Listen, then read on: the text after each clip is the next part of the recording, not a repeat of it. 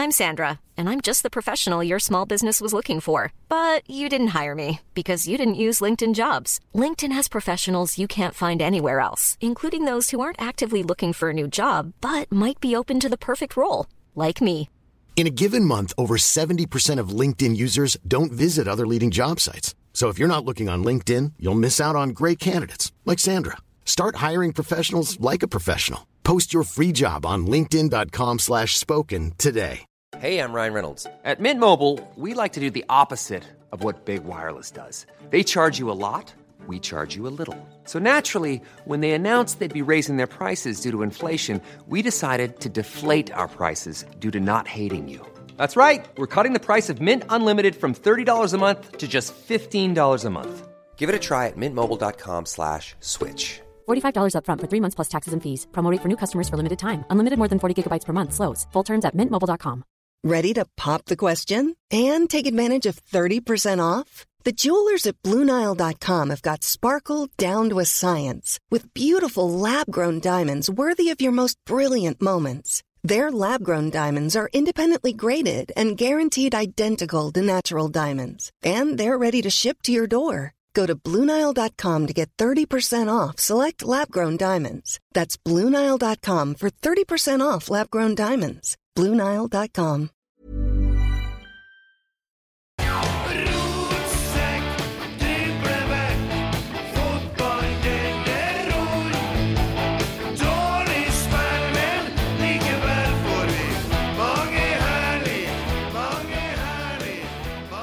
Hei, hei, og velkommen til dagen der-pod i Rotsekk. Det står eh, bra til med Ja, det er bra med lyden nå, Emil. Det, ja, ja, vi ser den lyden flytte seg opp og ned sånn. Jeg trodde den var lenger til høyre der, ja. Nei da. For den er død. Ja, det nei, du må ikke bekymre deg for det. Nei. Så det går bra, det. ja. eh, hvordan har du det? i Har vi begynt med Å ja. Det var noe sånn, ja. Ja. Velkommen til verdens beste podkast, Rotsekk. Takk. Takk for at jeg fikk komme. Dagen der-pod. Ja. Ja, er dagen derpå? Eh, ja, du må ikke forklare noe, for den står seg fint, den. Ja. Dagen der pod. Står den, Mark? Ja, det er, altså, jeg, Det er så syltynt kjøtt. Nei, den er, synes jeg er helt Den er den er ni av ti, den. Ja. Dagen der pod. Ordspill, for at, ja, i går hadde vi livepod. ja, det hadde vi. Ja. Hvordan har du det i dag? Eh, veldig bra. Du sa jo i går at folk måtte se på en Jørgen Stenseth. eh, Don Corleone, Don Vito Corleone Stenseth. Ja, det var jo ja. gjorde med fra sist. ja, for at du bruker han som barometer, for du ser Ja, tilstanden han er jo hans. det eneste grunnen til at han er der. For at han er en slags eh, eh, Barometer. Ja, Ja, temperaturmåler, da. Så ser folk hvordan de sjøl er om ei time. Ja, ja, Hvis du lurer på hvordan du ligger an, så bør du se på en Stenseth. Ja. Og så ser du akkurat, ja. Og da vet du at om en time så er du sikkert sånn sjøl. For han er jo Jeg skal ikke legge, legge meg ut med han, da, men Det er jo eh, det du gjør nå. Ja. Men du, Spektrums Lago, Ja. har du speil? Speil? Mm. Eh, nei, nei, men Kom igjen, da. Kjør på. Nei, nei altså Var jeg for, øh, nei, bedugget i går? Det skulle Nei, det er altså For meg så er Det har du vært verre. For meg så er du som en person som er litt småfull hele tida. Ja, det, ja. Ja. det kan være. Du er på en måte litt som Obelix, bare når det kommer til alkohol. Ja. For meg du datt oppi satsstunken til pappaen din Ja. når du var liten. Ja, ja, ja. Ja. Men, men fargen i fjeset ditt Ja. ja den, er, den henger ikke sammen med resten av kroppen. Nei, også, Der er det gærent som ikke er rett. Jeg ser jo noen ganger når du flirer at det ser ut som du holder på altså, Du blir veldig rød. Ja. Sånn som nå. Ja. Men også når du drikker. Ja. Så du er faktisk et ordentlig barometer. Ja, det er faktisk Det slo øh, slo øh, Ja, for det var en eh, Da jeg var på ferie i sommer, så var det en pod jeg så eh, Jeg lurer på om det var etter Hearts-kampen. Mm. eh, Og da så du, var du litt lik han i Charlie Sjokoladefabrikken. Han der som blir lilla i trynet. Ja. Ja. Nei, jeg, jeg tror det er jo ikke bare et alkoholmeter, det er også et stressmeter, kanskje? Ja, det er også. Ja. Hvordan er det med deg? Oi sann. Ja, ok, det er litt stressa for tida, du. Ja. Men gutta, Men før, nå før vi begynner, så skal vi, jo, skal vi være litt seriøse. Har vi begynt, ja? Jo, men før vi begynner Å, ja. å snakke Vi har Mike Stilson her. Christer Nesse skal vi jo mobbe litt, osv. Men litt alvor først. I dag, 10. september Bam, bla, bam. Nei, alvor. Ja, Ja, det er det. Ja, fordi at ja, jeg har bursdag. Da har du bursdag, ja. ja, men øh, Ja. Men det er til. eh, er verdensdagen for selvmordsforebygging. Ja. Og eh, det tenker jeg at det skal vi ha fokus på. Og klokka åtte i kveld så er det veldig mange som tenner lys og minnes dem eh, Vent, ja. 610 menneskene som man mista til selvmord i fjor. Tolv stykker i uka dør i selvmord. Det er den vanligste dødsårsaken blant unge folk. Eh, og det man gjør, da, det er at man har eh, laga en underskriftskampanje som er sendt til regjeringa, og det er en lysmarkering i Oslo eh, som sikkert da i kveld. Og at det er ønske om at man yter en bedre innsats eh, for å bekjempe det her. da Eh, Mike, det vet jeg Det har jeg snakka med dette om før. For du er jo faktisk den personen som jeg hørte i podkast som snakka om selvmord, som jeg lærte noe av. Det er ganske lenge siden. Ja. Nei, det er, det er jo helt forferdelige tall, da. Men øh, jeg tenker jo det å At man prater om det, er liksom hele poenget. At det ikke er noe du Vi må ikke ha berøringsangst på det der, for det er Det skjer jo så hyppig med så mange mm. at vi, vi må alle prate om det. Nå har jeg vært eh, heldig nok til at jeg ikke har opplevd det i nære relasjoner, men vi vet at gutter f.eks. er overrepresentert på den statistikken der. Og, og gutta har kanskje litt eh, færre verktøy i verktøykassa til å håndtere eh, det de føler på, kjenner på. Mm. Eh, To, to av tre som dør i sjølmord, det er Ja. gutta. Så der, der tenker jeg fotballen eksempel, er et veldig viktig miljø for å løfte sånne typer problemstillinger. Jeg syns det har blitt mye bedre bare på de siste årene. Mm. Eh, Men eh, vi må liksom prate om det. Ja, ja for det altså jeg, jeg tenker og ønsker meg og ser for meg at folk som har kjent følelsene på kroppen, eh, kanskje skulle eh, få en større rolle i det formidlingsarbeidet som gjøres. Eh, det er veldig mange sånn leger og eh, psykologer og folk som jobber innenfor. Men jeg ønsker meg flere som har kjent den følelsen av den oppgittheten på kroppen. Eh, kanskje bidrar st i større omfang i det forebyggende arbeidet. Eh, og da strukturert og med en tanke bak, ikke bare for å fortelle historien for å vekke følelser, men eh, også med en tanke om å bidra som en sånn eh, sporskifter, en som slår hakk i demninga, for det er det som trengs, da. Eh, Det håper jeg vi får mer av, for det har man lyktes ganske så bra med på russida òg. Og jeg tror det Men ja, tallene er altfor høye, altså. Ja. Dyster start, men eh, Men viktig start, da. Jeg syns det. Så tenkte jeg at det, må vi ta med når jeg registrerte at det var den dagen i dag. Og det er vel mitt Hva Hva jeg skal si eh, Ja, jeg brenner veldig for dette her, da. Har kjent det på kroppen sjøl og snakker til stadighet med folk som har det veldig vanskelig. Uh, kan ikke gjøre så mye, for at jeg er ikke utdanna innen behandling eller noen sånne ting. Men uh, i alle fall, uh, første praten, den har jeg hatt med en del mennesker. Og den er òg veldig viktig, og den kan vi alle ha med folk som sliter. Men det er veldig viktig at vi da er i stand til å møte folk som har det sånn. Og møte dem på følelsene deres. Går ikke an å be folk om å skjerpe seg da. Det er gjerne ulogisk tankegang. Ja. Så eh, Det er jo ja. kanskje den gangen man ikke skal gjøre det, ja. ja, det er nok det. Kvinne Eh, som mann, altså. Det, ja. ja, ja, Mm, ja. ja. Men uh, det var nå det. Jeg ville bare starte med det. Det ble veldig dystert. Men uh, det er jo dystert. Men vi må tørre det. Vi òg. Ja, nei, men det er viktige, Det Ja. er viktig tema. Let's move. Ah, Tenn jo det lyset. jeg Det er klokka åtte, ja. Nei, men du bare Å, ja. nå, du, så det brenner ennå. Ja. Det er akkurat det. Det er, det er en fin, eh, fin gest, syns jeg. Da starter vi litt sånn seriøst i dag. Er det lov å begynne å tulle nå, eller? Vær så god. Ja, for at Hvis at du skal legge inn og eh, venter jeg til trygt eh, Hvis du skal begynne å feire sånne verdensdager framover, Mm. så ser jeg veldig fram til vaffeldagen og kanelbolledagen og sånn, så jeg håper det er derfor er det- Ja, ja. Det er det du ser fram til? Ja. Det er jo det. del.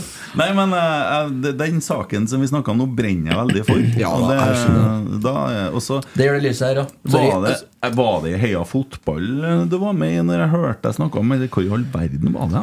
Nå har jeg prata så mye om så mye forskjellig, så mange steder Jeg tror det kan være Heia Fotball der. Det kan være det. Det kan være det, ja. Nei, og det var en sånn ting som uh, satte meg litt på sporet, og som uh, gjorde at jeg turte å begynne å utforske litt mer på, fra den sida. Og det var faktisk du. ja. Mm. Det er så bra. Men før vi begynner å snakke om jakten på Trollfoten, den skal vi snakke mye om i dag, eh, så må vi sjekke litt hvordan vi har hatt det i det siste. Vet du. Det er det vi bruker å begynne med. Christer, hvordan har det vært? Jo. Eh, litt tørst i dag, men eh, Det var så sånn ut som det var det i går òg. Ja. Hvorfor er det når du drakk så mye i går? Ja. Eh, en kjempekveld i går. Eh, tusen takk til alle som var der. Og Det er ikke som sikkert var- at alle skjønner hva du snakker om nå, men i går var det altså liveshow på Esedals pub og kjøkken til Det var det. Alexander. Det var Hvor Rotsekk hadde invitert til et liveshow liveshow der vi hadde, eh, vi hadde masse gjester. Eh, Kim Ruud Petersen, eh, Svein Biskar Sunde. eh, Vi hadde Stig Jacobsen, Stig Jacobsen, Tore. Verdal, ja, Bjørn Skar. ja. Og Geir Arne var toast roastmaster. Ja. Så til gangs Ja, der, der var han Det- flink, altså. Det, vi, altså. Hele storyen der er at vi hadde jo booka Joffa. Mm. Eh, han hadde jo vært på pre-pride, fant vi ut på fredagen. I hvert fall Len Kim Ruud fant ut da så han var ikke helt i form på, til å komme på lørdagen. Men uh, det var litt slåttid å fylle inn her, da. Der hadde Geir Arne Han hadde jo manus han til en hel kveld. Ja, han hadde det, gitt. det gikk utover alle. Ja, det gjorde Jeg vet ikke om alle var helt forberedt. Nei. Jeg angra meg litt egentlig en periode der, for at det var jo sånn at jeg skulle ha førsteomgangen, så jeg ble jo sittende oppå der, for jeg tenkte at nå begynner vi, liksom. Du Ja. satt Så kommer jo Geir Arne opp og stiller seg, og der ble jeg jo sittende som en sånn skyteskive på, på, på scenen. Så jeg følte det var han som alle sammen skulle kaste kake på her en stund. Men det, det var helt topp, det, altså. Ja. Han var flink, han. Ja. ja. Det var det du var på i går, ja. Ja. ja. Jeg må si ved at jeg blir synes jeg egentlig at vi er veldig privilegert, da. Som får uh, lov å lage en sånn festkveld som i går. Så det er mye jobb bak det, mye logistikk og sånne ting, men uh, ja. Bare blide, trivelige folk, og det Det eh, setter jeg utrolig pris på, i hvert fall. Så Vi har jo Altså, det skjedde jo mye i går. Det skjedde mye på scenen, men det er jo eh, Det som er artig, bare for å føye på, da, siden vi snakker om det nå, det er jo publikum, selvfølgelig, som orker å komme. Det er jo, det er et sjølslag. Eh, men ramma rundt det med alle gjestene som også bidrar, Rosenborg som bidrar. Eh, stiller opp med folk. eh, eh, Kim Ruud bidrar, altså media bidrar. Og på en måte lage ei ramme da, hvor man Et medlem det, altså, så tenk på det har nesten begynt å bli et medlemsmøte med alkohol. Ja. For det er ganske, det er ganske tøffe spørsmål de får oppe her, Ja. syns jeg. Ja, Det er jo veldig enkelt å få enkelte i Rosenborg til å møte opp. eh, Da F.eks. Jørgen Stenseth. Og så, så lenge det er gratis alkohol, så drikker jo han mer enn Åse Osborn på 80-tallet. Så det er jo liksom eh, For Åse Osborn til å se ut som en eh, Men du hadde jo en ganske vellykka auksjon i går òg. Ja, Ja, men Skal vi foregripe alt her? Har dere ikke kjøreplan? Nei. Hepp, hepp! Vent. Ja. Hvordan har du hatt det siste, Emil? Var han ferdig, han, ja? Nei, ja. kutta han. Nei, Nei, måte. ellers har jeg montert eh, nye plissegardiner hele andre etasje nå. Ja, Ja. Interessant. Fortell mer. Nei, det er ikke så interessant. Det er derfor jeg holdt det kort. Ja, ja. Så Gardinene funker, og De går opp og ned, vet du. Ja, ja, ja, ja. Det var godt å høre. Går både opp og ned. Enn du, da? Er det? Ja. Nei, jeg var nå på liveshow i går, da. Det var noe jævla ålreit opplegg, egentlig. Så Svein Biskår Sunde var Ja, der. det var der. Jeg hadde noe bra greier. Så det var en fin greie vi har fått til, faktisk. Mye bra gjester og sånn. Ja. Så det Nei, eh, det er ferdig med plattingene, da. Ja, Det fortjener applaus, det. ja gratulerer. Eh, nesten, i hvert fall. Ja. For det er jo de forbanna spillegrana vet du, som skal på plass. Men eh, tror jeg er pent forventer neste år. Altså. Ja. Tror det. Det er det det går i. Ja. Og så er jo første uka på Spektrum, da. Og, Igjen? Ja, eller nå var det første 100 %-uka. Oh, ja, sånn, ja, ja, ja. Så det Ja, hva skal jeg si? Kommer til å gå med noen timer der òg. Det er sikkert. Og Det er samme for meg, bare ikke går ut og roter seg. Nei, det, jeg har notert meg, for det sagt før. Ja. Så havna jeg jo en, havna jo en situasjon igjen, vet du. Her, Nei. Ja, jeg gjorde jo det, vet du. Gjorde du det, ja? Var det på fredag, da, jeg. Ja. Eh, er dum som jeg er, vet du. Så, så, så sier jeg at eh, For jeg slutta å snus. Slutta forrige Å! Ja da, slutta forrige etter bryllupet. Minus to stykker som jeg fikk til deg i går. Ja, Ja. snuseska mi forsvant jo en stund. Ja, ja. Ja for du glemte den på scenen. ja. Men jeg kom jo ja bergende du tilbake. passa på den, du. Ja. Ja. Men det ble bare to, da. Ja. Jeg så for meg at jeg skulle gå med 22. Det gjorde du ikke. Mm. Og ikke burde med det i dag. Eh, og så tenkte jeg Eller på fredagen da, så fikk jeg jo litt uh, suget på noe annet sjøl. Kjøpte hva jeg da? Nei. Eh, det var, var potis, da, vet du. Mm, bare må fylle på med noe. Og så sier jeg Klokka er sikkert kvart over seks. Jeg drar ferdig å ordne noe greier. Skal du ha noe? Ja, kunne Eller da, hvis jeg skulle ha noe, da, for hun driver og slutter, så ble det min feil at hun hadde lyst på øl, da. For da hadde du ikke kjøpt det til seg sjøl, ikke sant? Ja, greit nok, det. Men jeg ordner da det. Jeg skal bare innom en plass først. For jeg skal på butikken. Jeg skal bare innom på gamlejobben en tur, faktisk. Og hente greier der. Og så innom Spektrum en tur og ordne greier der. Og så glemmer jeg at jeg skal kjøpe øl, vet du. Og det er jo den ene tingen eh, For da har du vært hjemme i en time ikke sant, etter jobb, og så drar du ut igjen. Sånn at du må legge ungene og alt det der. Den, jeg ser den, ja. Så, Såpass innsikt har jeg. Men skjønner jeg, da skjønner jeg det. Jeg kan jo ikke komme hjem uten øl nå. Jeg kan ikke det. Da har jeg brukt to timer. Jeg skal på butikken, jeg var på butikken i to timer. Og du har én ting du skal ha hjem. Én oppgave for å gjøre kvelden hennes litt lysere! Hvordan rodde du deg ut av det? Ja? Ja, så skal jeg faen meg begynne å ringe. Vet du. Ringer til Nesse, for han kanskje hadde noe øl stående da. Men det var sånn, eh, sånn eh, pilsen, sånn lite Ringnes Light. Og det er sjansen for å få tak i det, vet du, den er hard. Jeg var, hadde bare Dals juleøl og Ja, Tuborg. ja, Ja, ja, det var ikke godt nok. Nei, nei, juleøl kan ikke jeg komme med. Det, den Komme med ja. Dals julebrygg, ja. Ja, men jeg, jeg kunne komme med noen utenlandske varer, eller, vet du, for det er sånn eh, greier her. Men jeg kunne komme med en annen sort. Tenk at det er kaldt for at de var tom for Jeg tror jeg ringte sju stykker. Jeg. Det er liksom, da begynte jeg å få litt panikk etter hvert. Uh, og så til slutt så, så kommer jeg over Jeg vet ikke om jeg kan si det her, da, for at eh, en, eh, det var ikke, Jeg kan si at det var ikke i byen, så kan jo folk lure på det, men det ble en liten kjøretur, da. Ja. For jeg kom over en, eh, en eh, som jobber i butikk, som Det ordna seg! Men jeg ringte jo og spurte Det var ikke mine tanker om det, liksom. Eh, og så Men Nei, jeg har ikke noe her, liksom. Men jeg kan ikke bare dra på butikken. da Jeg kan jo ikke gjøre det, liksom. Det går jo ikke. Eh, så det ble en grei kjøretur, og det ble jo litt eh, vanskelig andre veien, for jeg er borte enda lenger, ikke sant? Ja. Fordi at Men det verste var jo at jeg var jo på butikken to over åtte, vet du. Mm. Så jeg bare skjerpa meg i tre minutter der, så hadde det gått bra. Mm. Hjemtid på ni. uh, må jo da stå til rette for hun jeg ikke bor sammen med. Hvorfor jeg er Tre timer. for to og en halv time på butikken. Og glemmer å kjøpe. Ja. Og ble i Ringnes, da. Ja. Ringnes litt, da. Ja. Så nei, det, det er noe sånn det ruller, da. Ja. Kan jo ha det med fargen i trynet å gjøre. Det Ja, nei Det var to minutter over åtte, sant? Hm? Det var to minutter over åtte. At jeg var på butikken, Ja. Ja. Men jeg var ikke hjemme før eh, fem over ni. Nei, nei, selvfølgelig. Nei. Nei, Ja, nei, men eh, så bra at du fikk ordna øl til Mariell. Det var ennå noe. Hei, Mike. Hallo. Hvordan har du hatt det i siste, du? Jeg hadde ganske Jeg lurte på det nå, for at Sven var med dere i går. Mm. Var han mye på telefonen, eller? Eh, Det, Hele det tida. jeg så Altså, jeg har jo Jeg bruker å si at jeg sletta Twitter, men jeg har jo Twitter på iPaden her, for jeg må inn og se spørsmålene. Og Sven har jo stilt et spørsmål om du har noe Snapstrike. Jeg vet ikke strik, når jeg sier strike, for at jeg liker å si feil.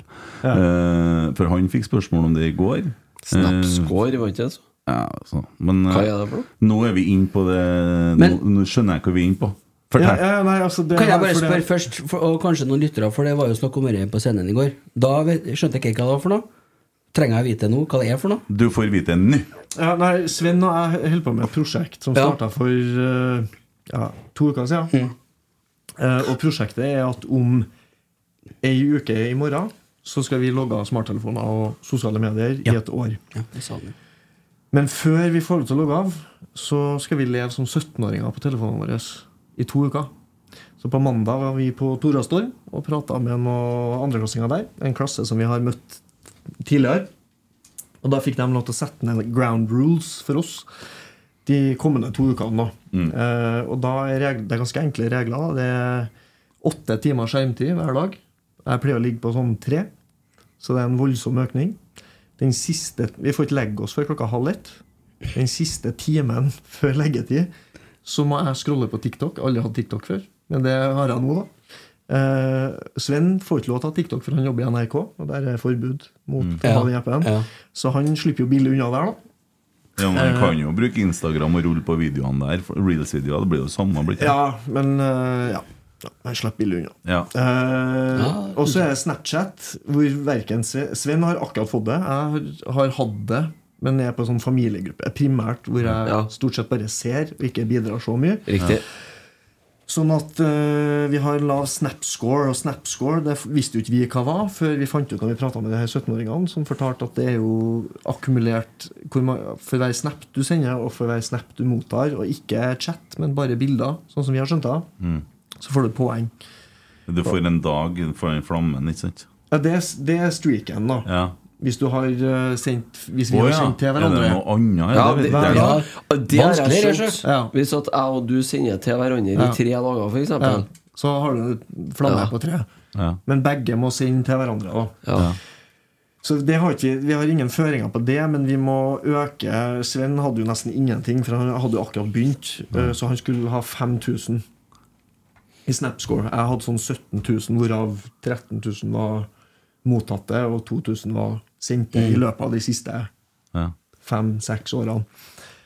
Men jeg måtte opp til 25 000, og det der er jo bare helt jævlig. Fordi nå må jo plutselig begynne å legge til folk på Snap, Ja. og så skal du begynne å sende mye snaps. da Veldig mye snaps for å rekke det der. da Og jeg syns jo det er så vondt. Fordi at det er bare sånn her Folk jeg ikke har prata med på mange år, plutselig driver og får bilder av brødskiva mi. Og bare, sånn det er helt forferdelig. Jo, jo, men Men, så hvis det er noen som hører på det her nå, dere må bare legge meg til på Snap. Og jeg, for at jeg, Sven er i mål, for at han fikk jo så jævlig billig reise. ja, for han, ja. For han start, men, eh, men jeg sliter jo. Eh, Så jeg vil gjerne Er vi på Snap da, Mike? Jeg tror ikke det. Om, om 19 sekunder så er vi det. Skal, du, skal du legge ut Snap-navnet ditt her nå, eller? Ja, du kan godt gjøre det. Ja. Jeg, vi- alt, jeg tror jeg er 4000 unna. nå Ja, hva det da. det for noe? Ja. Mike Stills. Altså M-I-K-E-S-T-I-L-S. Ja, der har jeg lagt det til. Så det her er bare å legge meg til. Jeg vet egentlig ikke om jeg orker det, for det føler jeg blir som sånn Nei, nei her er det med å bidra. Ja, jeg- men det, men- tenk på det store bildet. Jeg skal bare si en fin ting om det tingene her. Jeg må det. Eh, jeg har tre døtre som bor på Rørvik. De er også 15, 13 og 11 år gamle. Eh, og det er klart at det er fem timer kjøretur. Eh, I fjor sommer så spurte de om de var interessert i å bli med og lage en sånn Snap-streik. da For at det, kontakten blir jo Jo, men vent, da. Kontakten blir jo litt sånn Det kan jo plutselig gå ei uke uten at jeg snakker med dem. Sånn. Ja. Nå har vi hatt daglig kontakt i over et år. ja, ja. Og, og for det, at det blir jo så du sier noe eller tar et bilde av noe, og det er på en måte deres måte å ha kontakt òg. Og da vet jeg at de tenker på en pappa når Ja, de ja. gjør det der. Og Altså, det, det er en fin ting. Det er jo utrolig mye fint med det. Altså, jeg kan si Bakgrunnen for prosjektet til Svein og meg handler om at det er, vi er småbarnsfedre som bare ser den herre Det er rett før våre døtre, da, som er begge andreklassinger. Det presset om å få denne smarttelefonen og havne på sosiale medier kommer. og vi føl- Ja, og vi føler oss sånn Jeg føler meg helt hjelpeløs. For selv om jeg tar et standpunkt og sier at jeg syns ikke hun skal ha på deg, er ikke nødvendig. Du er et barn. Bare lev sånn som vi gjorde. Eh, eh, så hjelper ikke det vet du, når andre folk kobler seg på. Så, og så er det så mye sånn Det er på følelsen at det her er ikke helt bra. Det er ikke helt bra for barna, det er ikke helt bra for ungdommene. Det er ikke helt bra for oss. Det er ikke bra for Men så har jeg lyst til å finne ut av det. Og så er det ingen som finner ut av det, fordi at alle bare Vet du hva det prosjektet her minner meg om? Minner meg om dere Super Size Me. Den derre McDonald's-filmen. Han derre sjukingen som åt uh, McDonald's-mat tre ganger om dagen. Ja. Ja. Det er det du driver på med nå, bare i telefonen. Ja, og så Poenget her er at vi skal jo For de som er- kvier seg for å adde på Snap her nå Hvis det er noen som tenker sånn Jeg har ikke lyst til å bli spamma og Er det bare skjer- spam? Nei, det er ikke bare spam. Jeg prøver, jeg prøver jo å by på interesse. Men det er så teit, da. By på interessante ting fra eget liv. Men Men, Jeg er. Lag- Jeg gleder meg i morgen. Lag sånn uh, duckface og så fortell litt Ja, nå er jeg Og gjør det. ja, nei, men det, det, det tar snart slutt. Så Får du om mer poeng hvis du får tilbake, da? Ja. Ja. Så du får, jeg tror Jeg har ikke helt skjønt det poenget. Du ja, vil men, gjerne ha masse ja, ja, gjerne bare Men spennende. er det, eh, hvordan kom dere på det prosjektet? her? Er det her et NRK-prosjekt, eller? Ja. Det er et NRK-prosjekt, ja. Ja. Ja. Men øh, ja, Men jobber du i NRK nå? Jeg, er tilknytta prosjektet eh, som ekstern. Aha. Så Sven er jo NRK-mann, og så er jeg med i det prosjektet her det neste året. Da. Mm. Så, men hvordan vi kom på det, det, mm, det starta bare med den herre ene irritasjonsmomentet av min egen bruk, Ja. som småbarnsfar spesielt. da Ikke at jeg hadde så forbanna voldsom skjermtid. Jeg ligger på sånn to-tre timer, som jeg vil tro liksom ganske mange gjør. da Ja. Men det var mest de her øyeblikkene når kidsa er Men sånn som når du skriver bøker, da. ja. Da bruker du sikkert PC. Bruker PC, ja. Ja, Men er- regnes det som skjermtid? Ja? Så det her vet, Jeg og Svein vet jo ikke noe annet enn at prosjektet innebærer at smarttelefon og sosiale medier er gone. Jo, men jeg tenker på når du regner på skjermtida di til vanlig. Oh, ja, ja, nei, nei, nei, nei, nei. Det, nei så det, er kun smarttele smarttelefon. Ja, Ja, Riktig. Så, så starta med det, og så har det etter hvert eh, begynt å innse at våre barn skal inn i det herre Verdenen. verdenen her. Og, og det er jo liksom fryktbasert, det er jo selvfølgelig det. Um, så jeg har lyst til å bare finne ut av Det beste er jo hvis vi finner ut at det her har ikke noe å si. Men det som er, det som er med det her, at det, det hjelper ingenting hvor standhaftig du er sjøl.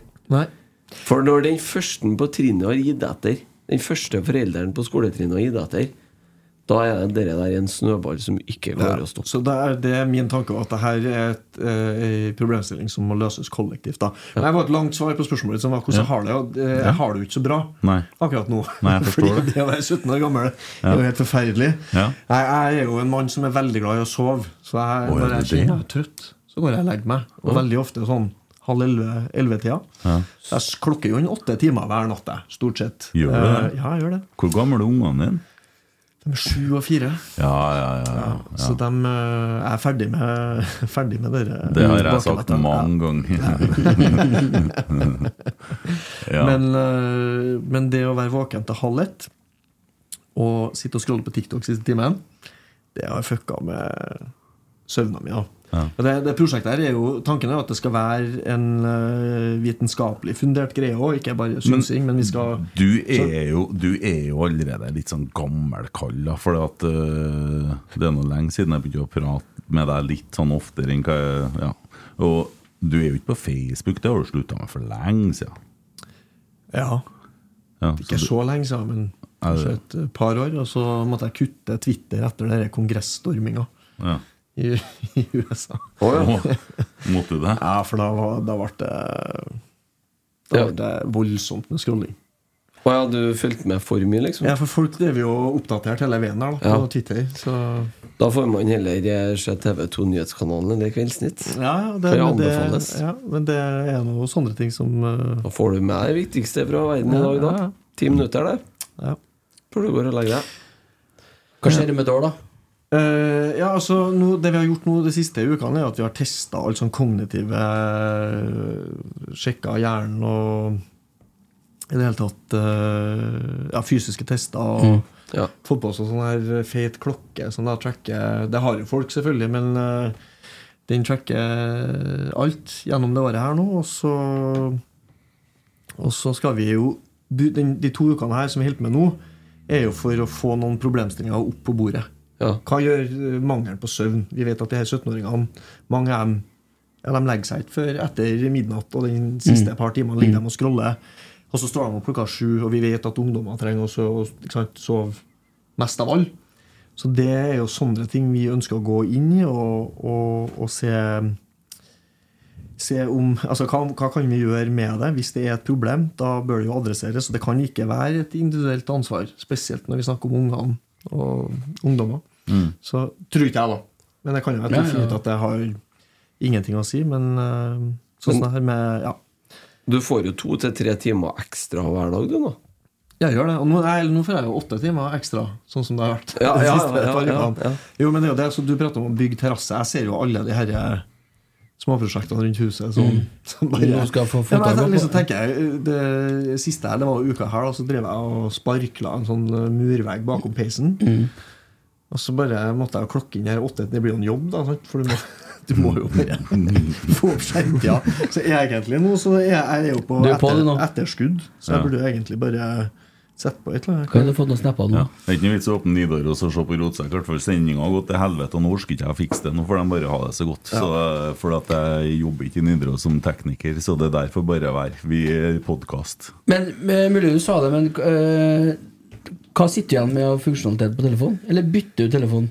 Vi får, vi får en, vi, altså en del av det er jo å finne ut hvordan telefoner finnes som ikke har all den funksjonaliteten. Eh, Doro, Doro ja. ja. så Du har Doro, og så er det noen andre. Har jo No- Nokia har kommet tilbake med de gamle snektelefonene. 3310. Ja, og så har du, har vært litt artig. og så har du noen sånne high end Liksom for uh, Det er en For norsk, norsk fyr i Sveits som Ja. har uh, starta et eller annet selskap med noen telefoner som skal ha sånne avkoblingstelefoner, òg, Mm. hvor det er bare ringing og SMS. Det høres Så det er jo et eller annet sånt vi skal ha. Og så den første perioden nå, antagelig, da, så blir det et voldsomt Altså, da er det ikke PC, da er det ingenting. Da er det helt sånn cold turkey i Vi har bare fått en heads up på at det må jo være forberedt på at den første Og det er, jeg på en måte syns det er greit. Men da. Jeg vet at. Sven er litt mer bekymra for ikke kunne Skriver ikke du bøker? Hva skal du sitte og skrive med hånd. Mm. tusj, du, nå? Ja, ja. ja. Det- Men, men det, det er jo for så vidt eh, greit, det, men jeg tenker på sånn eh, Mye foregår jo på mail og sånne ting. Mm. Da. Ja, og sånn som en Sven som er i NRK-systemet, så er jo alt Altså alt er en sånn bank-ID for å logge på systemene og få tilgang og sånn. Så, Han skal vi bedre få tak på, eh, og så få han til å komme hit når han kommer i stund, nå, så vi får høre litt. For det prosjektet her er faen meg interessant. Altså. Ja, men det, er jo, det som jeg, jeg syns er så interessant med det, er at du snakker med hvem som helst. Ja. Så har man noen tanker knytta til skjermbruken sin. Har- Hvordan er skjermtida deres? Jeg kan sjekke. Voldsom? Ja, den tror jeg Ja. Tror jeg for, Den er i hvert fall for stor. En Sven, vi var jo i denne klassen og spurte dem da hvilken skjermtid de hadde. Og da lå de jo fra alt fra ja, Noen hadde jo bare fire-fem, kanskje. Og så brorparten kanskje lå rundt seks-sju. Og så var det noen som var på 11-12. Og da var det ei som sa Nei, jeg har ikke Når vi ba dem sjekke. Jeg har ikke Og en Sven ble, han ble så glad, for han bare ja, du, Har du kvitta deg med telefonen? Ja, du har slått av telefonen liksom, for at det ble for mye skjerm? Nei, du har bare skrudd av registreringa skjønte. Jeg, jeg er ikke med på det prosjektet ditt, jeg. Det der er jo frivillig jordbruk. 6 timer og 36 minutter. okay. ja. Jeg er samme. I dag. 6,5 timer. I snitt, ja. Det Ja, er det jo, gjør ikke noe bedre, det. det er jo Nei, det ikke voksne. Det er ikke artig å sitte her og si det. Det, det er jo ikke det. For du kjenner at det er for mye, eller? Ja, det gjør jeg. Ja. Eh, det er jo veldig mye jobb inni her, da. Ja. Men eh, det er sier man til seg sjøl, og så ser man her, da. Hva var det så? Facebook 7 timer og 13 minutter. jobber vi på Facebook? Jeg jobber i Facebook, jeg. Messenger, seks timer der på jeg Messenger. er legendarisk. Jobber i meta, du. Tre timer. Jeg Jobber, ja. Jobber litt ekstra, her, så. To timer og 49 minutter. Ja. Men, eh, er, Men men, blir podkaster registrert som skjermtid? Eh, Podkast én time. Som nei. Når du er inn på Når du Appen. trykker Så hvis du legger Sånn som jeg har gjort nå, bare for jeg må få opp skjermtida jeg, jeg- Det er helt sjanseløst. sant? Det, det, det er jo Åtte timer er så voldsomt, i hvert fall når du har unger. Ja. Så må du prøve Du skal jo være med dem òg. Litt av poenget er jo Sånn som, fru, sånn som fruen. Hun syns jo det her Selv om hun vet at det er et prosjekt, og det er to uker, og når de to ukene er over, så blir det veldig bra. Ja. Så blir hun så provosert av at jeg sitter så, så mye Men det skjønner jeg jo. Ja, jeg skjønner jeg òg, men bare Ja, så Og så er du vi, må, vi må over til Men jeg, jeg har jo ikke snakka om hva jeg har gjort det siste uka. Nei, vi kom Enn du, ikke enn du. Agent! Enn du, Ja, da! ja, ja. Da! Jeg har bursdag i dag. Vi glemte faktisk Jeg har bursdag. Gratulerer har-. Ja, det vet vi. Har du Ja, det? jeg har Ja, jeg ja, bursdag, ja. Ja, det var eh, Ja, gratulerer med dagen. Ja, altså, hadde du ikke bursdag i fjor, du? Jo, jeg hadde det. ja? ja, ja. Uh, fikk ikke du gave, da? Vet ikke. Jo, jeg mener, Jo, da, det ja. gjorde Vi har jo gave i år, vi, vet du! Ja. Ja, ja, ja, ja, ja! Ja, men jeg har jo ikke ordna noe gave. Jo, jeg har ordna gave. Du har ikke ordna på håret, du, skal jeg si. Jeg har ikke ordna Nei, men det kan du gjøre neste gang det er bursdag. Ja. Skynd deg nå. Men uh, vil det si at du har kjøpt kam? Han er jo så ga- gammel det begynner å bli noe at han skulle hatt sånn kam. Sånn gammeldags eh, Eh, Nå, sånn, eh, nå er det noe jævelskap de har funnet noe på. i jævelskap, det er kjærlighet, det. Ja, ja. Ja, skal vi se. Det Er en pakke, det der. nypete, camphor drops, mokkabønner, og så er det hjemme kryssord. Løse kryssord. Hva helvete? Kjem- Du, når du er 60, skal du ha løst kryssord. Ja, det her skal jeg gi til mormora til Stine. Da kan du få opp skjermtida di uten å ta bilde av en Kent med det hjemmets kryssord. Jeg er veldig spent på de nierordoppgavene inni Ja, men det er Koselig. Takk for gaven. Gaven fra i fjor ligger oppi øverste skuffa her. Comfortdropsen, hvis dere lurer. Den er, da er den ett år gammel. Uh, men Jeg så han Vet du hva jeg sa? vet du hva jeg ordna til Emil, da? Ja, vet du hva jeg sa? Jeg sa han skulle kjøpe Operaminst, det. Ja, det ordet er bra, det. Ja. Ja, men hør her nå. Hør her nå. Jeg var altså hjem til Ole Selnes om natta med maske på meg. Og så hvis ikke du signerer for Rosenborg i morgen, så stjeler jeg tennene dine. Og så hadde jeg en del sånne trusler. Og det tenkte jeg at det skulle bli bursdagsgave. Nå ble jeg litt sent ut på Ole Selnes, nei, Sæter. Men jeg kidnappa foreldrene hans, hadde dem hjemme i kjelleren, bak den grinda der Harlin står. Ja. Ole signert. Gratulerer med dagen, Emil. Det ordna jeg til deg i bursdagsgave. Hva fikk jeg til deg? Camphor drops! Kunne du gi meg en liten ving, i hvert fall? Ja, jeg skal Ok, jeg har litt jobb med det neste år. Ja. Ja. Eh, men satt pris på den gaven også. Ja. Selnes, det var ikke noe dårlig greier, det. Jeg had, prøvde jo å ordne seter til deg, men jeg tror du hadde bursdag i går. Forrige. Ja. Ja. ja. Nei, men eh, Nei, helt ærlig, altså, har det vært helt strålende uke. Eh, bare siden var her sist, så har jeg jo signert et lass med trøndere til Rosenborg, og det skaper jo en viss entusiasme. Og det ordleggerne kan jo Skal vi bare ta det med en gang, da, før vi begynner å snakke om jakten på Trollfoten? Uh, Spørs om vi noen gang kommer sikkert fått ja, ja, Nå er jo Vi koser oss. Uh, jeg, vi hadde jo Ole Sæter her i poden, og jeg sa jo da, sammen med Emil Almås, da Hvis du signerer for Rosenborg, resignerer, så skal jeg tatovere navnet ditt på meg. Nei, faen, jeg skal tatovere fjeset ditt på låret, sa Ble det litt fliring og bla, bla, bla. Shaka hands på den. Uh, og når Ole signerte Jeg tror Altså, Dagbladet ringte. Rosenborg ringte jo til meg uh, og, og, sånn Jørgen. Og, og det fikk jeg jo se på liveshowet i går, for de filma jo det der. Eh, om liksom Cecilia, nå må du Nå blir det ordna tatovering. Nei, nå kødder du, sant? Nei, morgen eh, Jeg hadde resignert. Og så kom det jo varsel akkurat, og så skjønte jeg at det stemte. da Så begynte jeg å grine da mens de sitter og filmer der og koser seg. Så det kom jo på liveshowet i går. På Men- grunn av tatoveringa, eller fordi ja, på at du grunn, var rørt? for at jeg var rørt. Veldig rørt. Fordi at Hvis du skal kjøpe Dere vet du som har sittet i styret. vet du Hvis du skal kjøpe en spiss som Ole Sæter til Rosenborg, så har den kosta 40 mill. Det er ikke sikkert det er sånn Nei, mer. Se på hva de fikk for 40 mill. i Molde. Ole Sæter er bedre enn andre der. uh, og uh, det er så viktig. Rosenborg er jo fattig nå. Vi har jo ikke hva heter det, likviditet til å kjøpe spillere. Så det er særs viktig at det der kom i orden. Det betyr utrolig mye for eh, Vi er ikke ikke fattige. Ja, men Du skjønner hva jeg mener? Vi- Rett skal være rett. Vi Nei, er ikke hold- fattige. hold Dårlig likviditet. Vi har dårlig likviditet. Det er noe annet. Ja, og det skal være så ordsmed. Vi har ikke penger å kjøpe spillere for. Sportslig sett så er vi fattige når det kommer til å skal kjøpe spillere. Sånn definisjonen av likviditet. Christer Nessas. uh, Eh, nei, så det, det tror jeg ikke bare betyr mye for Rosenborg, men betyr mye for Trøndelag òg. Ja.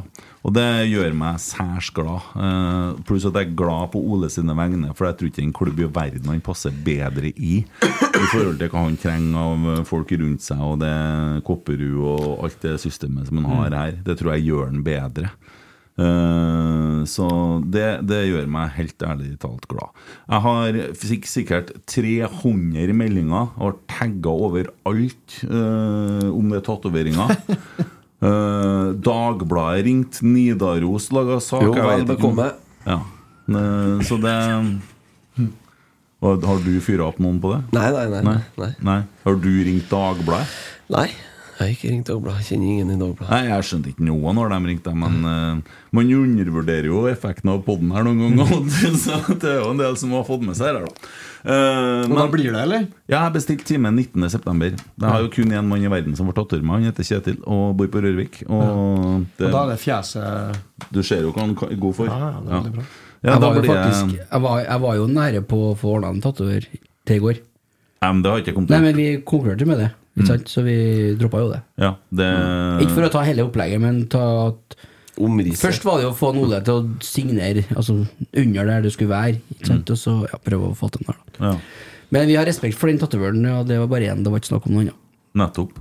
Eh, og det, det er viktig. Så mm, Nei da, men det ble eh, Og du så jo på liveshowet i går, og når vi satt oppe her med Kim Ruud og han eh, Svein Biskår Sunde, så hver gang det kom et spørsmål, så var det faen meg til meg. Ja, det var jo med tatoveringene. Det er helt uh, Ja ja, men eh, for all del, hvorfor kaller det for sånn uh, når du setter opp sånn uh, lokkedue for, for, for folk til å skyte andre plasser, så berger jo klubben. da Det blir snakk om datoveringer i stedet for i Tromsø-kampen. Men hvor skal du ha den? Er det bestemt? Ja, det har jeg bestemt meg for. Men det er ingen som vet det ennå? Jo, det har jo, det har jo vært sagt hele tida, at jeg skal ha den på låret. Har Stine fått vært med å bestemme? Stine får ikke bestemme det der. Eh, Men Geir Arne flytta det jo til innsida av låret og begynte å ta for seg det i går. Han bestemmer ingenting, han skjønner. Det, Men har du tatoveringer på beina fra før? eller? Nei, jeg begynner nå på Rosenborg-foten nå, da.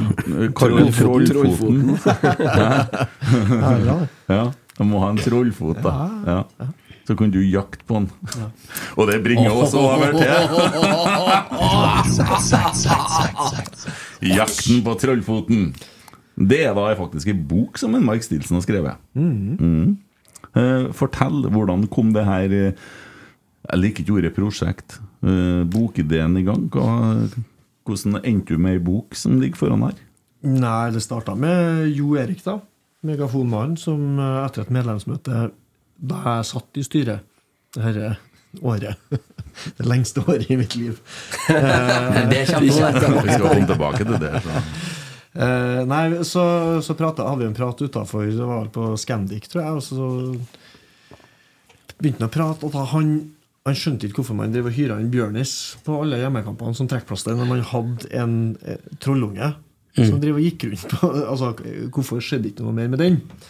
Og så tenkte jeg at det der er jo Og han hadde jo drevet fortalt dikta historier til de her barnehagekidsa sine om ja, trollet på Gråkallen og hadde laga liksom en uh, greie der. Og så Jeg tenkte jo veldig på det, og husker jeg tok det opp på neste styremøte, at det her er jo ganske lavthengende frukt, egentlig. Altså for å for, vi, vi snakker Det året jeg satt i styret, så snakka man veldig mye om det som alle styrer i hele verden gjør. Hvordan når du de unge? Hvordan får du dem med på det her? Og veldig ofte så er jo svaret her vi må inn på det digitale. Digitale flater. Så jeg har jo, som dere skjønner med det prosjektet her, litt sånn litt aversjon mot det digitale òg.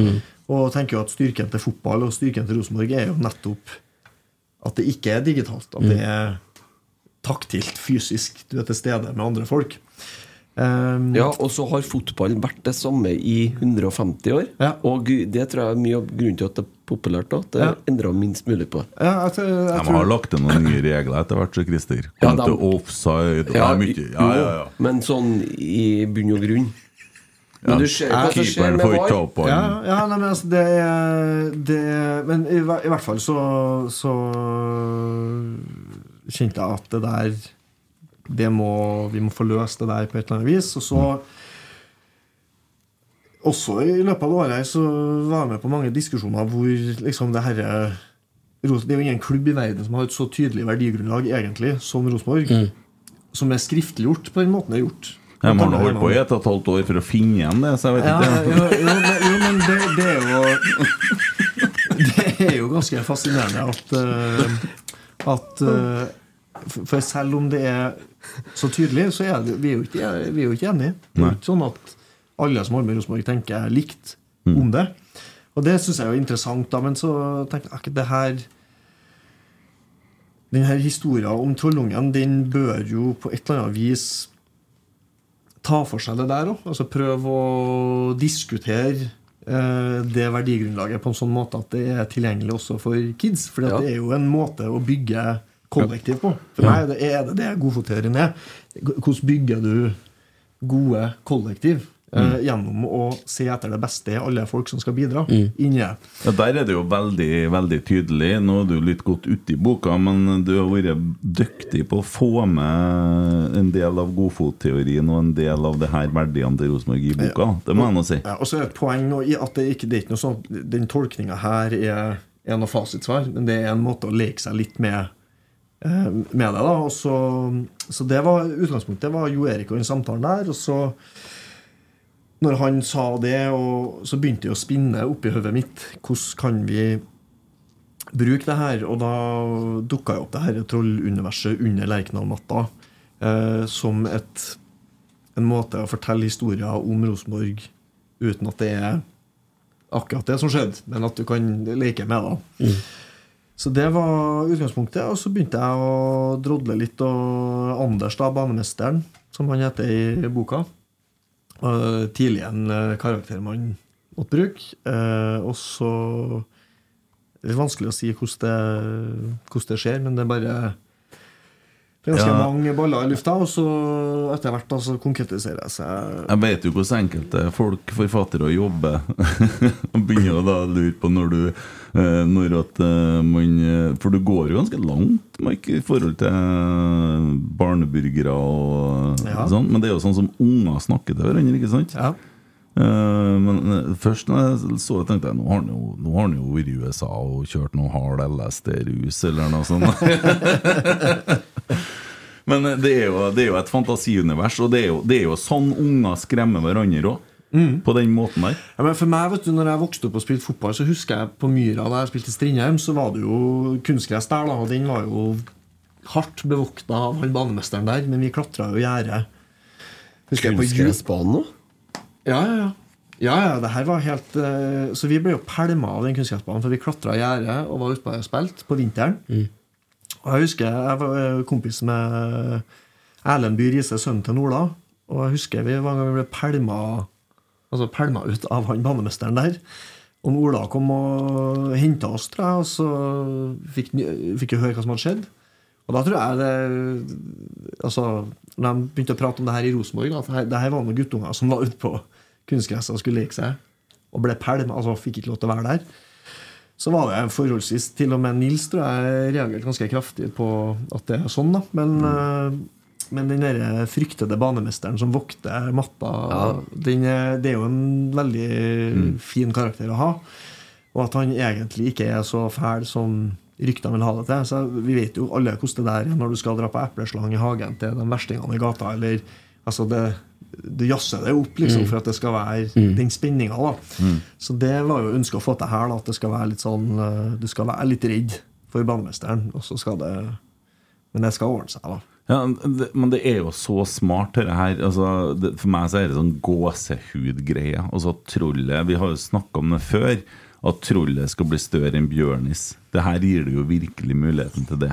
Eh, du baserer da historien på Odd og Svanhild. Eh,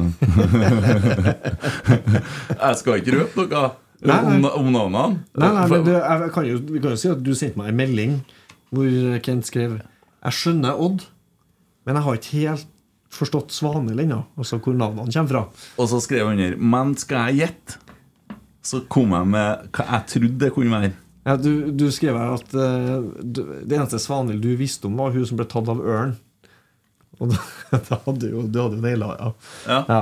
det, er, det, er det kan jo ikke begynne å forklare hvorfor man velger navn i sånne bøker. Jeg trodde ikke vi skulle si det nå, jeg trodde det skulle være en hemmelighet. Ja, ja, Men nå sa du det ja, sjøl. Svanhild på Lekka, som ble tatt av ørna.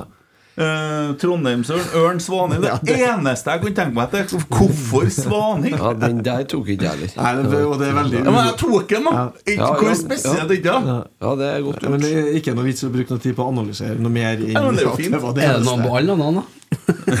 Om det er noe sånn på alle navnene? Ja, så skal jeg litt slippe meg å lese. Du vet, han, hmm. Jon Michelet Han pleide jo å plukke navn på kirkegården. Så han skulle ha navn til karakterene i bøkene sine. Ja. Så gikk han ut på kirkegården Så så han etter bra navn. Til meg så er det bare det er det er Odd er jo Odd har jo doble betydning i min øyne. Ja. Ja, ja. Nei, det, det skjønner jo folk. Ja, for at Otto Ulseth satt der på onsdag og forklarte at Odd var jo faktisk verdens beste fotballspiller. Det, ja, det var jo der. Eh, og, og Odd Iversen. Og så har du jo fotballaget Odd, som guttene på Mønberg eh, kalte seg når de holdt på. Ja. Nei, men, eh, Og de eh, finner jo dette trolluniverset, og det er jo helt fantastisk. Ja, det, det Greia med det her prosjektet er jo at det er nesten litt sånn endeløst. Alt du kan leke deg med og ta. og så jeg har jo prøvd Det er jo en barnebok, men for meg så har jo hele tida ambisjonen vært, sammen med Thomas, som har illustrert, da, som er veldig viktig å si, at han Han har aldri gjort ei bok før. Mm. Han er, Apropos tatoveringer, han har jobba på, vært daglig leder på Onkel Henris nede på Bakklandet. Mm. og Eh, vi har blitt kjent via bl.a. Sven. Da.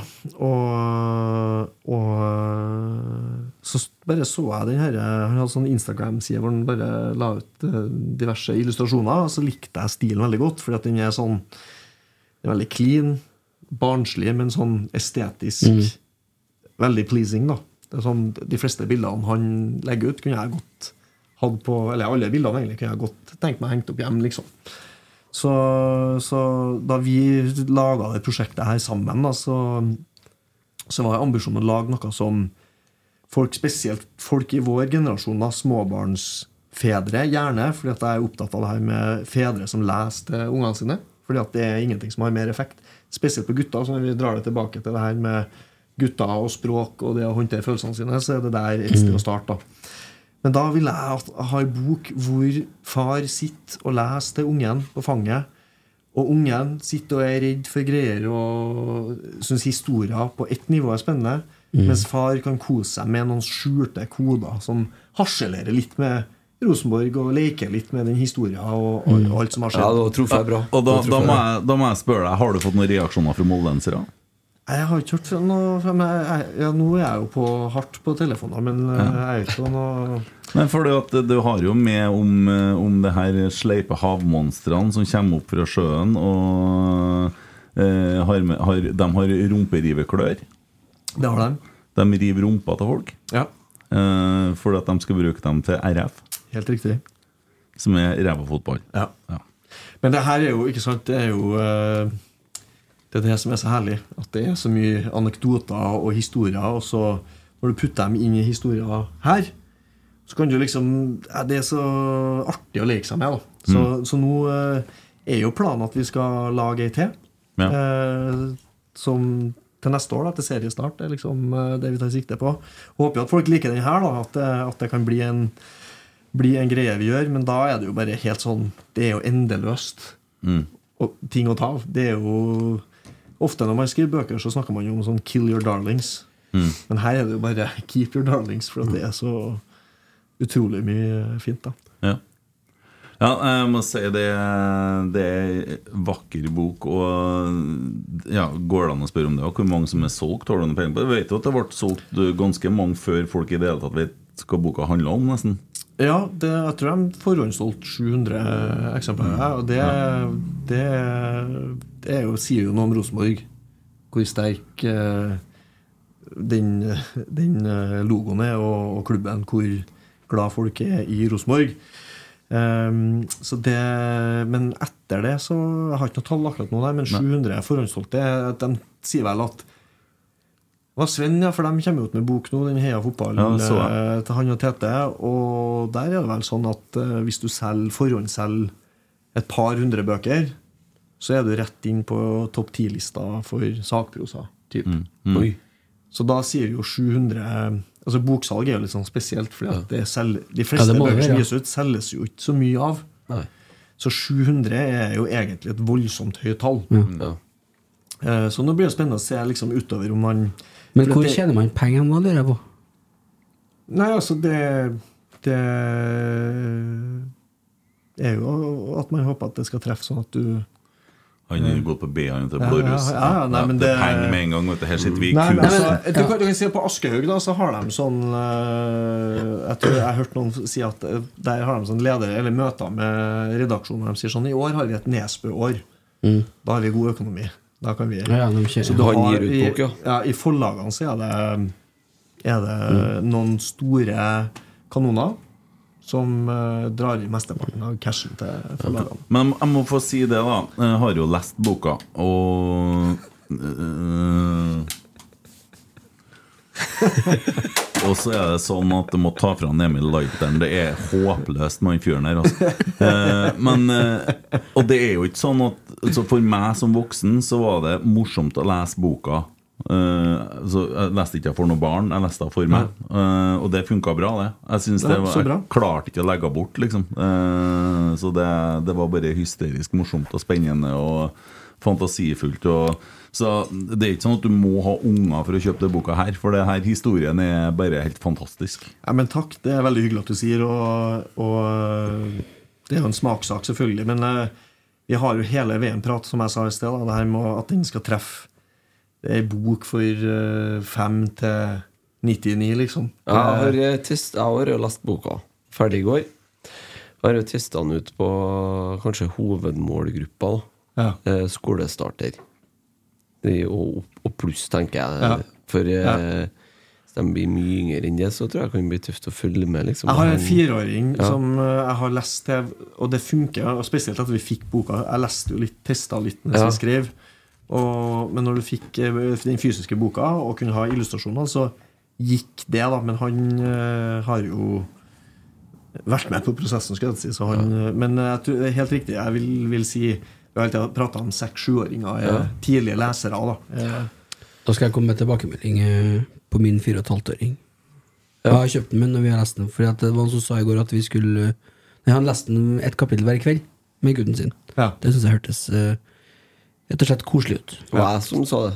Det var du som sa det, kanskje? Ja. Han Ja, vet ikke hvem han snakka med, for han var så dritings. at han-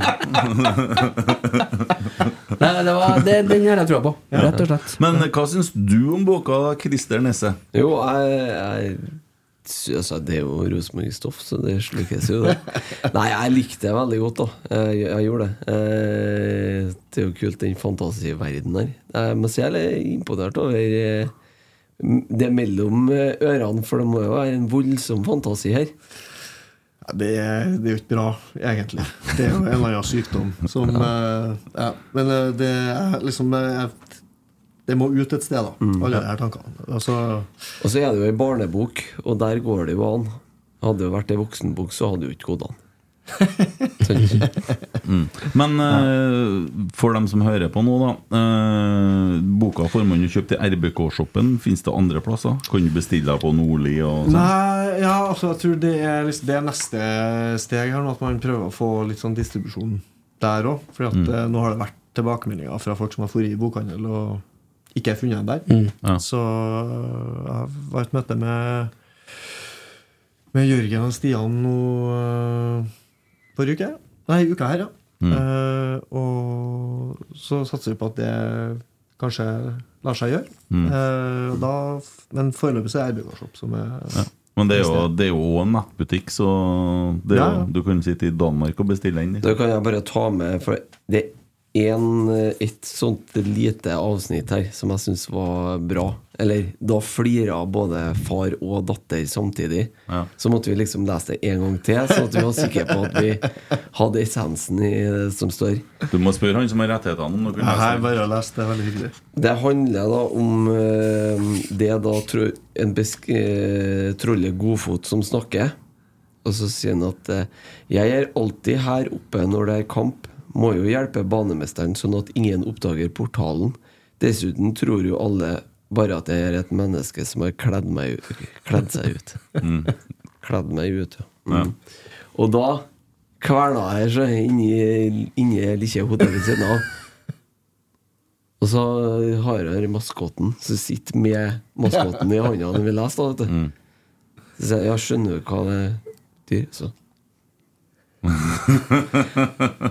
er det Er det og, og, og, og, og så er det sånn Godfot!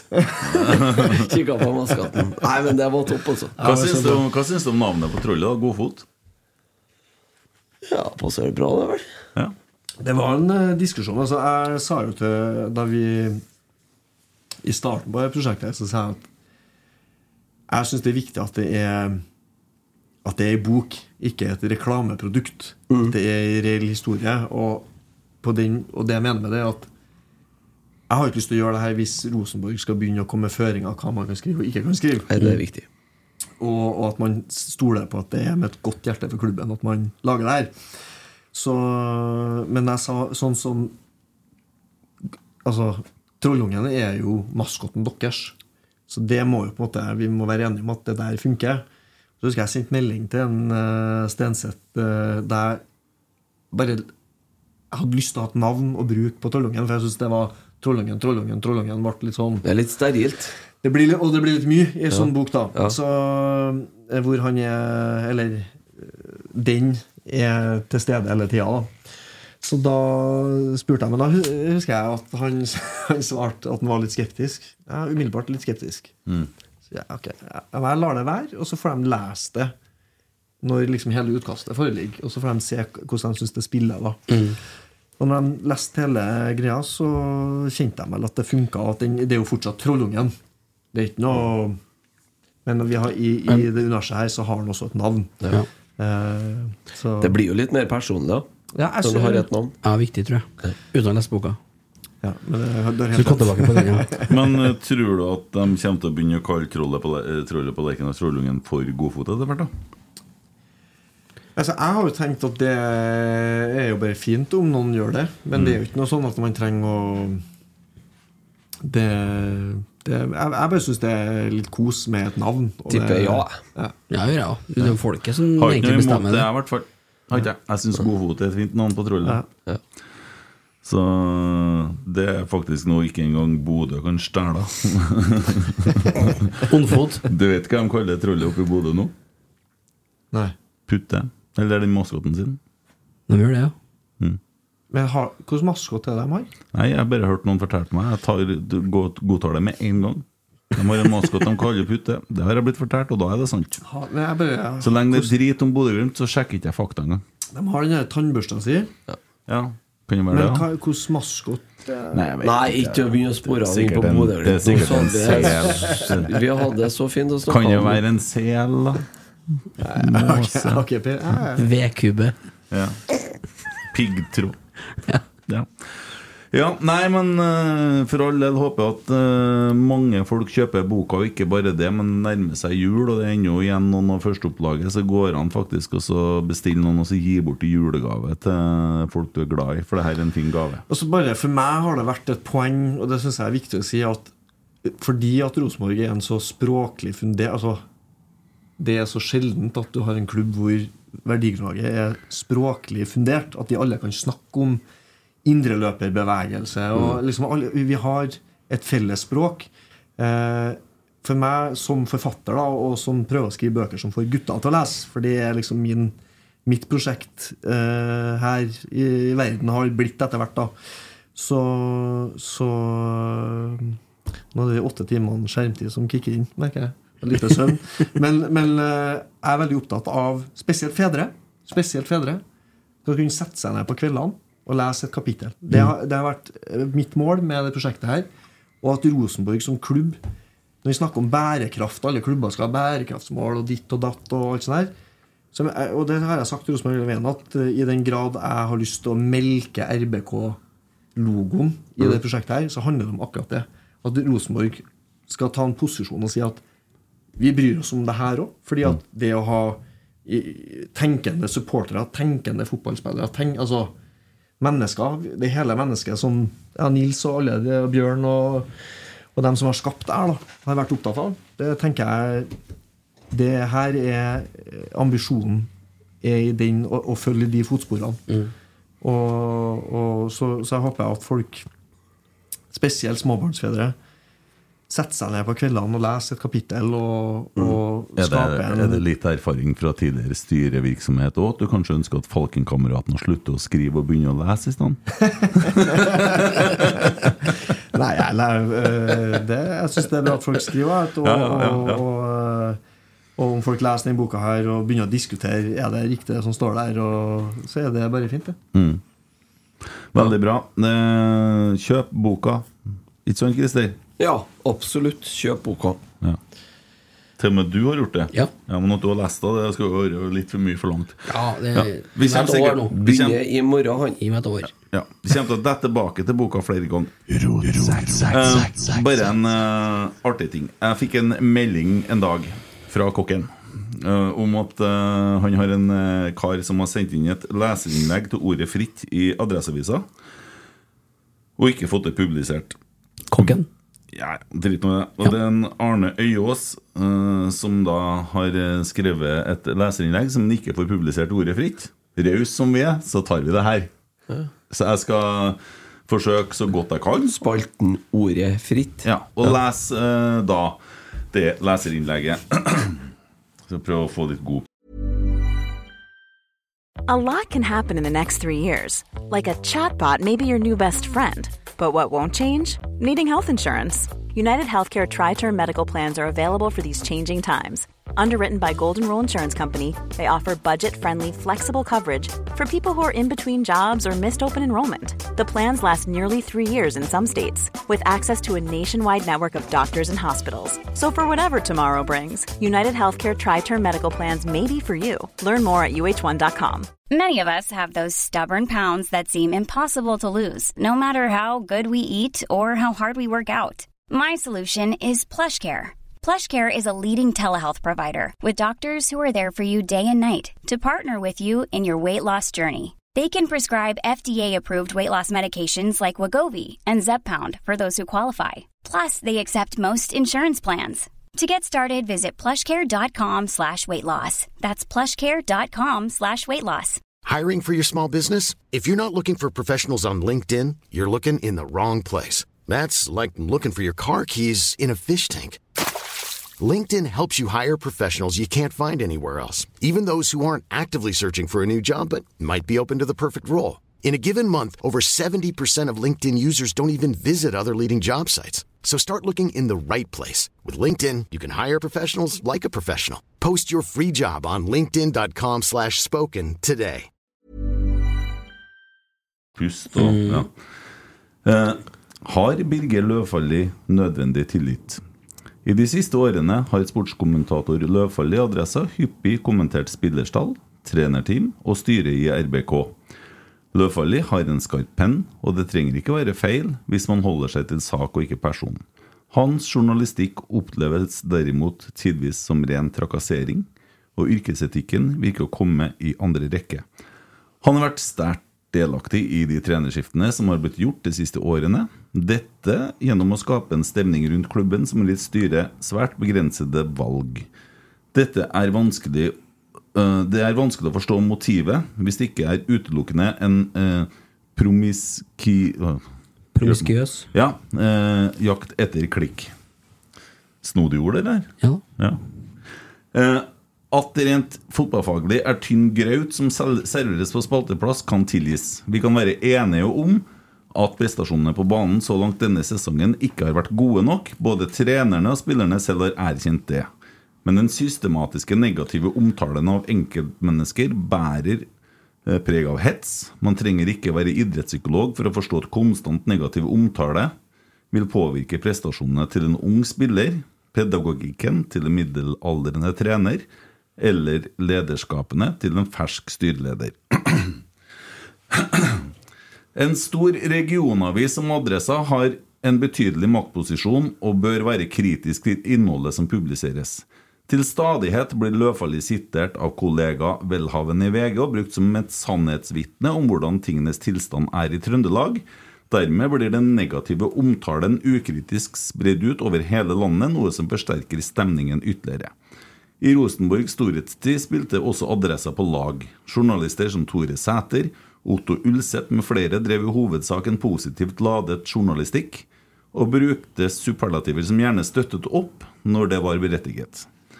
Banens beste på hver kamp ble kåret til dagens Ivers, og avisa løftet fram enkeltmenneskene fremfor å trampe dem ned. På denne måten var avisa med å skape entusiasme, ikke frustrasjon og heksejakt. Ta oss tilbake dit, til tiden da klubb og lokalavis jobbet sammen for å skape gode opplevelser for publikum. til tiden da avisa bygde selvtillit hos spillerne og trenerne fremfor å bryte den ned. Jeg får nesten ikke pust snart. På sidelinjen står flere utmerkede representanter for positivt engasjement i sportsjournalistikken. Tiden er moden for å bytte ut Birger Løvfalli med f.eks. Petter Rasmus eller Ole Kristian Sagbakken. Tilliten blant leserne er tynnslitt. Da har, vi, da har han fått med det. Ja. Det er jo et uh, veldig interessant tema. Ja. Ja, det er Eh, mest Først må jeg si at Viggo Løffel er ikke her til å svare for seg. Da. jeg skyndte jeg å si Men han var jo her på onsdag. ja. Kunne han svare, da? Ja. Og adressa er ikke her for å svare for seg, Emil, og det syns jeg er mest interessante her. Ja, vi- At de ikke publiserer det der i eget ordet fritt, og er veldig Ja. opptatt av kritisk journalistikk. Det er under eh, Altså, det er Ja, lavmål, eller? Ja, Det er et godt ord på det, faktisk. Ja, For det er en del det. ting som irriterer meg med adressa. Når det kommer til sånne Det er sånne småsaker. Så har ikke jeg noen sånn fane eh, så korstog mot dem over hodet. Enda mer Jeg bedre. blir litt sandkassa for min del. Er litt snedig. eh, Det er det. Uh, artig at du tar det opp, for at eh, Altså, jeg er jo også samfunnsdebattant. Ja, det er Jeg har, jeg merker jeg har et eh, inn i dag. Rykka inn her. Ja.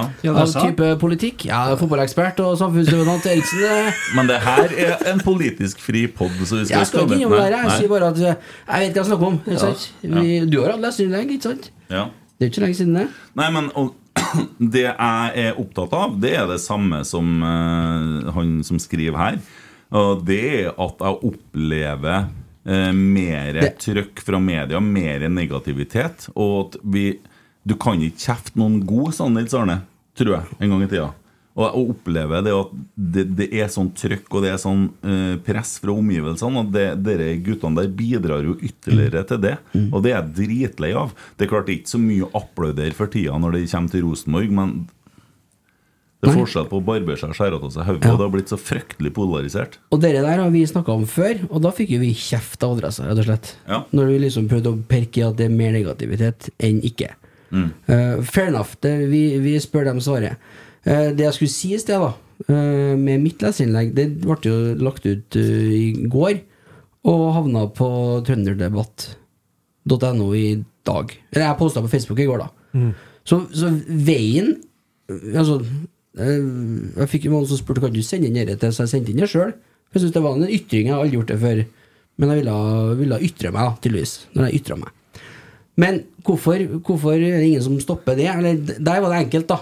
Men jeg ser for meg at det er en annen holdning til det, som du påpeker mm. i det brune huset nede på Bakkebru. Ja, nå har, Bakkebru ikke, her. nå har ikke jeg snakka med adressa, så jeg vet ikke Nei, om de har nekta å publisere det. Uh, Nei, det vet- vi vet ikke Men noe altså, poenget for meg er det han skriver, da. Ja. Uh, og det, det der er så viktig, for at jeg tror Uh, Det vi ser av trønderne nå, det er at vi fyller stadion. Vi kan godt ta den samtidig nå. Lerkendal har solgt 15 000 billetter mot Ja, Bodø-Glimt. Vent litt nå, jeg skal si noe om det der, òg, tenkte jeg. Ja, men du skulle- For ja. at det blir helt eh, Det blir helt feil når adressa på en måte skal være med Det er jo dem som er er den største bidragsyteren til debatt rundt Rosenborg i mediebildet i Trøndelag. Da kan de ikke sensurere en del av eh, Altså noen innspill til debatten. Det går jo ikke. For det er jo tydeligvis en sensur her. ja, jeg, jeg vet ikke, jeg. Men jeg kan ikke legge ut alt heller, da. Nei, jeg tror uh, Det er viktig. Nei, men du kan Nei. jo ta bort det som ikke passer deg sjøl. Nei, det er jo der vi ikke De vil aldri innrømme det. Eller ikke, Jeg tror, altså, jeg tror adressa, Ingen mediehus sånn, vil innrømme sånn, det. Uavhengig av den teksten her, så Ja. tror jeg uh, Adresseavisa har ganske voldsomt trykk på den der ordet fritt-spalten sin. Mm. Ja. Så jeg tror det er fryktelig mange tekster, og det Jeg syns den her uh, var jo saklig Forholdsvis saklig, vil jeg si. Og Ja. jeg, vil, jeg vil tro den, det var i så fall ikke på de merittene at den har eh, ikke nådd gjennom, da, men eh, men eh, for å ta dem ikke i forsvar, men bare uh, At det kan være bare trykket Ja. Ja. Vi, Også, vi kan ikke sitte her og mene at de ikke har publisert det, for det vet ikke vi. Nei, det, men var du som sa det. jo, for det er den meldinga jeg får. Ja, men vent, da. Det er den meldinga jeg får, skrevet her, ikke sant? Og så om jeg kan lese opp her og det gjør jeg jo selvsagt. For jeg syns jo temaet er interessant. Nå, eh, altså Diskusjonen, da. En ting hva adresser gjør og ikke gjør, ja, det, det kan de svare for sjøl. hører litt forskjellige ting av og til. Eh, og det er nå greit, det. Eh, vi inviterte dem til liveshow i går òg. Ja, innetiden. Ja. og så, og så Nei da, vet du hva, jeg skal ikke tulle med det. det. Jeg hadde en veldig god dialog med folk i Adresseavisa, og det var rett og slett forhindra fra å komme. Så er det sagt. Rett skal være rett. Ja, det var det det endte med, i hvert fall. Og så vil jeg, nå må jeg jo si at Det er jo en god avis. Det er jo småting som man Nei, diskuterer. men, nei, men Poenget er uansett at det, det skal snakkes drit om Rosenborg hele tida. Nei, men Kent, Kent, det er veldig viktig å få sagt samtidig. Fordi at de, de tidene som det sammenlignes med nå, det er da altså en storhetstid som ingen fotballklubber i Europa kan måle seg med. Den seiersrekka til Rosenborg, bortsett, fra Skonto Riga eller eh, Fullstendig Det har ikke noe med saken å gjøre, for hvis du ser bare til Bodø, så sitter de og sleiker alt Bodø gjør. Ja, men er, hvor er Bodø på tabellen, da? Øverst. Vent til Bodø liksom som nummer ni, da. Ja, men de, altså, de, Etter å ha vunnet serien 13 år på rad. Men da blir det høna eller egget, da. Hva om alle drar sammen? Nei, det nei. blir det jo ikke, for Adresseavisa skal jo gi et rettferdig bilde av hva som foregår i og rundt Rosenborg ballklubb. Ok, sånn og at- når Rosenborg men Christer Nesse, ja, men, Jeg må få snakke ferdig nå. Ja, men da skal du høre på meg Nei, nå. nå, må jeg få snakke ferdig. For eh, de skal gi et rettferdig bilde av det som foregår i og rundt toppidrettsbedriften Rosenborg, som nå, per nå, underpresterer mest av alle norske fotballklubber ut ifra forutsetningene. Og, da blir det mer kritikk enn bejubling. Sånn er det. Men det, det, det er ikke bare det, skjønner du. Nei. Hvis Rosenborg tar ut en elver Det er ikke så lenge siden Adressa da pusher ut et varsel. Sam Rogers vraket igjen. Ja. Den kampen starter Håkon Røsten. Ja, jeg skjønner hvor du- Hvorfor velger man da den vinklinga? Og der er jeg helt enig. Og det, Det er samme fyrte vi oss om når Tengstedt kom. Var Ja. det da, og det var ikke noe spørsmål om hva han mente, det var hvor grinete Sæter nå. Ja, hvor Hvor dårlig stemning er ikke nå i klubben. Ja. Og dere der er blitt Men gjengangeren. det er jeg enig med. Ja, det er gjengangeren. Ja. Og det er det som er problemet. Mm. Og så ser de Birger Løvfalli på trening kun når Rosenborg har tapt kamper. Hvorfor det? Eller når det skal sparkes trenere. Eller er noe annet drit som foregår. Ja. Ja, for å ta en Birger For nå handla jo den ordet fritt her mest om en Birger. Og det som du snakker om, det er jo journalistikken, det klikkhoreriet de driver med. Sant? Sam Rogers vraket igjen. Birger Løfaldli skriver aldri sånne klikksaker. Han skriver meninger rundt Rosenborg. Og han har jo stort sett hatt rett i de fleste meningene de siste årene. Hvem er Birger Løfaldli. Det kan du da virkelig ikke mene. gå tilbake og lese, da. Se om det, se- om det er i utakt med verden. Ja, det er utakt med Rosenborg, i hvert fall. ja, les, les, eh, les den Birger har skrevet. Så setter jeg ned og så kikker jeg på datoene. Så kan du begynne å gå inn og se på tabellplassering, økonomiske resultat, ditten datten, styre, inn trenere, inn, ut, spillestil fram og tilbake. Så tror jeg han treffer ganske bra, altså. Jo, men poenget, vet du, Christer, er det at Men det er forskjell på meninga og journalistikken. Jo, men det, det, det er jo dere der Men man enig Men nå må du høre, da. Ja. Fordi at det som er greia i Trøndelag her nå Vi, vi ligger dritlangt ned på tabben, alt det der. Allikevel så er Lerkendal fullt mot Bodø-Glimt.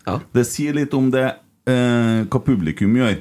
Skal man da velge den her eh, Altså eh, vinklinga hvor man finner et eller annet eh, drit å skrive på, på push-varselet sitt, da? Som om at eh, den er skada, eller den ikke starter, eller at det Man finner alltid Så glasset er bestandig halvtomt. Ja, men, men, hør nå! Hør! Det er forskjell Du hører ikke på, du hører ikke på meg, jeg må høre på deg. Ja. Poenget er det at hvis at man begynner å dra mer i samme retning, og media bidrar litt mer som det var før i tida, og ser prestasjonene ut ifra der klubben faktisk står, så kan man bidra til større entusiasme. Bidrar man til større entusiasme, så kan man faktisk bidra til bedre resultat. Det er jeg enig i. Ja, for det kan være gode spillere som blir dårligere av press, eller som blir bedre fordi at man får på en måte støtten Man får ikke noe støtte i trøndersk media for tida. Skjønner du poenget mitt? Det er jeg enig i. Ja. Men som sagt, det er forskjell på meningene, altså kommentatoren sin personlige mening, og måten Adressa strukturerer opp sportsavdelinga si for å få klikk på de enkeltsakene. Og det er ræva journalistikk, da. Men, men se kommentarene da i Facebook-gruppa og alt på Twitter. Og nå er blodfallet ut igjen. De, Folk har fått nok. De er dritlei, for det bare fokuseres på det negative. Ja, ja. Du må ikke komme og fortelle Altså Otto og Bekka Han ble jo gladkristen den dagen Ole Selnes signerte for klubben. Han var plutselig verdens beste klubb.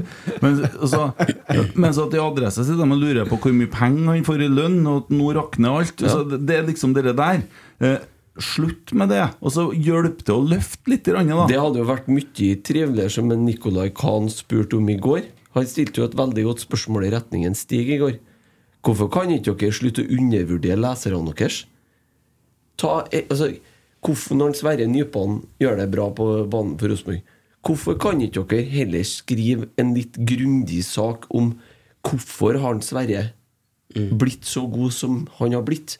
Hva er det i den gutten der som ikke er i alle andre 16-årige gutter? Istedenfor å skrive hvor 'nå er Benfica på banen', eller 'nå er Manchester United på banen', eller 'nå er han verdt så og så mye'.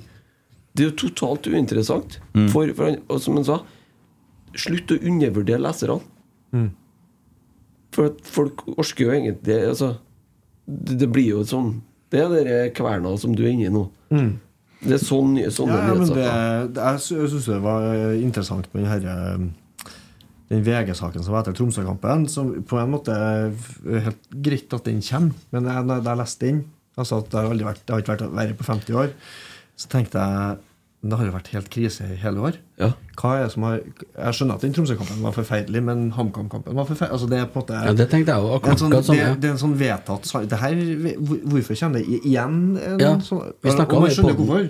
Fordi Rosenborg fortsatt er det tyngste navnet, og Mm. vi vet at negative nyheter det Ja. det, men det, det driver da Og, og nå var det, det, jeg mener ikke at det ikke var Altså det var, det var legitimert å ha en sak om hvor dårlig Rosenborg nå. Ja. Den kampen var forferdelig. Ja. Men det var bare Men den kunne han ha skrevet i juni etter ja, ja, det, det, ja, ja, men, Ja. Det, det jeg mener at det har vært liksom eh, Det har vært eh, I hele år har vært Foruten den denne sommerperioden som var, har vært ok. Mm. Så, men, men det er jo en balansegang mellom det her å være å dekke Rosenborg på en kritisk måte og, og en saklig måte og ettergå. Det er jo helt klart at man har, som du sier, Christer, at man har underprestert eh, noe voldsomt med tanke på pengebruken og, og størrelsen på klubben. Men så er det jo liksom Fotball det er jo veldig så Jeg tenker det å Det er veldig ofte sånn at man, man må tåle å være Rosenborg-spiller. Du skal tåle trykket. Og det det er ikke så Det er ikke så lett. Altså, når folk når du kommer inn i et sånn feil spor der, det, suger energi.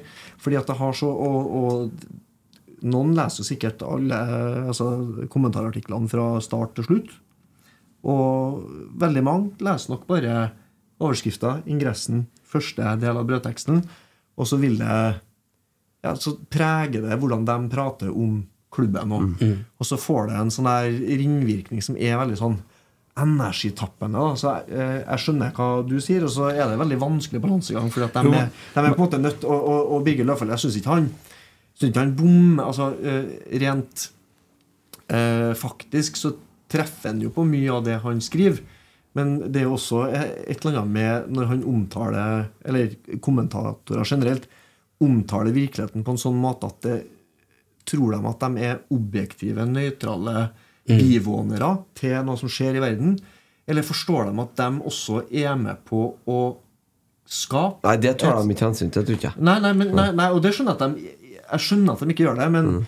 men det, for meg blir det sånn når de også da bruker det Det er så mye negativitet rundt klubben. Og det er alle, men så kommer Den har jo oppstått ikke bare pga. at det er ræva fotball, men også fordi at det er et fokus der som er konsekvent I ræva, ja. Negativt. Men, Negativt. men det, finnes jo, det finnes jo kommentatorer som da skriver at uh, treneren må gå. Og så kjenner de at nå burde Rosenborg hente den treneren, eller Rosenborg burde hente den spilleren. Og så går det en liten stund, så går det til helvete igjen. Men da kommer de Han må gå. Så De tar jo aldri ansvar for noe. Eh, det, det er liksom bare hele tida det neste, og fokuserer på det negative.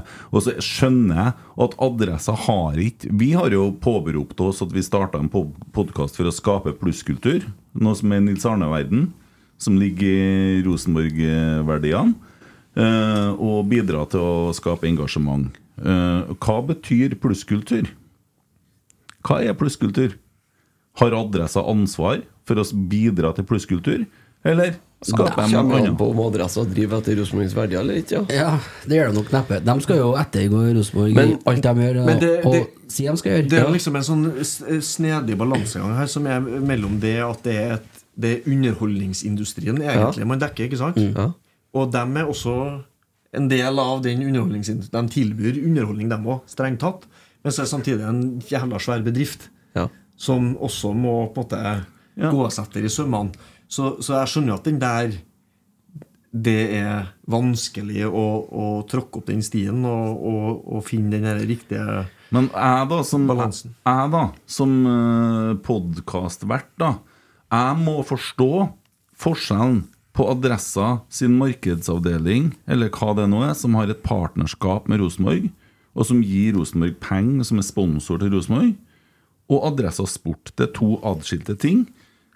Mens at Adressa kan koke graut eller lapskaus av alt som foregår i Rosenborg. For der er ikke noe forskjell Nei, det- på administrasjon eller sport. Det er, det er godt det er poeng. Ja. Det er Hvorfor skal, ikke- hvorfor skal ikke det være et skille, da? Men jeg tenker at det, jeg synes det er interessant det her med det- det du sier om å undervurdere leserne sine, og, og, og man sånn som det her Ole Selnes-casen nå, med fokuset, Det er voldsomt fokus på hvor mye det her har kosta. Ja, det, det hva ene fokuset er Skål. når det ble klart. Så Man liksom merker at man vil ha tidslinja så klar. Og Der syns jeg Mikke svarer ganske bra. Han sier det her det er jo ikke, det er jo ikke sånn at noe er uavhengig av hverandre. Alt henger jo sammen til enhver tid. Men det er klart at du, du må jobbe parallelt med en Ole Selnes-case og med de spillerne som skal ut. Og så får man jo et bilde etter hvert. da når, Og så vil det jo på et eller annet tidspunkt åpne seg. ja Nå vil han, vi har midlene, det her kan løse seg. Og så, eh, så at, at man er så veldig opptatt av en tidslinje, fordi at du merker at man vil ha Ja, de var villige til å bruke veldig mye penger på Ole. Du, du ser den saken. De, de har klart å bruke mye penger på Ole det har bestemt seg for på forhånd. Og så det andre, er jo, så, som, hvor jeg kunne tenke meg å blitt mer opplyst som leser, da, er jo eh, den forståelsen av hva en lønningspose er. Nå vet ikke vi noe om Ole Selnes, men det er jo Markus Henriksen sin lønn som ofte blir trukket fram, at han har en voldsom gasje. Og jeg tenker jo at den, den der å opplyse lesere om at fotballmarkedet er jo helt sykt. Så når du signerer en free agent da, sant, for, for Rosenborg, så vil jo vedkommende spare klubben for en overgangssum. Og da kan den bakes inn i lønn. Altså Det er jo et, en måte å krydre Ja. din på. Og det her, vet- det her vet jo folk. Men det er ikke alle som skjønner. Nei, det er ikke. Fordi at det er mange som ser en, en årslønn og tenker 'Å, helsike, betaler de det?' Og så er det egentlig en mye mer sånn innfløkt deal ofte. da Ja. Og det, det kunne jeg tenkt meg at man Agent, la på og alt mulig rart. ja, men At man gikk inn i dybden på økonomien og skjønner at det er jo ikke ba, okay, Man kan kritisere spillelogistikk, og eh, jeg mener ikke at man ikke skal være kritisk, men opplyse oss om at fordi at det her summene man opererer med, er litt mer sammensatt enn at det bare er noen som får sinnssykt høy lønn. Ja. Selv om de til slutt Det er det de gjør, faktisk, men hva hadde vært alternativet? Ja, men du ikke kjøpt den til 50 millioner. du skulle ha henta en spiller i samme kategori, så hadde du måttet ut med så og så mye. Ja. I stedet må du ut med så mye. Så du å få fem millioner mer på fem for år. Det som bikker at han kommer hit. Og så kan man i ettertid si Har det lyktes? Var det verdt pengene? Men sånn vil det jo alltid være. Men vet du hva jeg opplever? Jeg opplever at adressa er litt sånn var. Ja. Ja, fordi at jeg får, Interessant. jeg får, Fortell ikke, jeg får ikke lov til å glede meg. Jeg skal liksom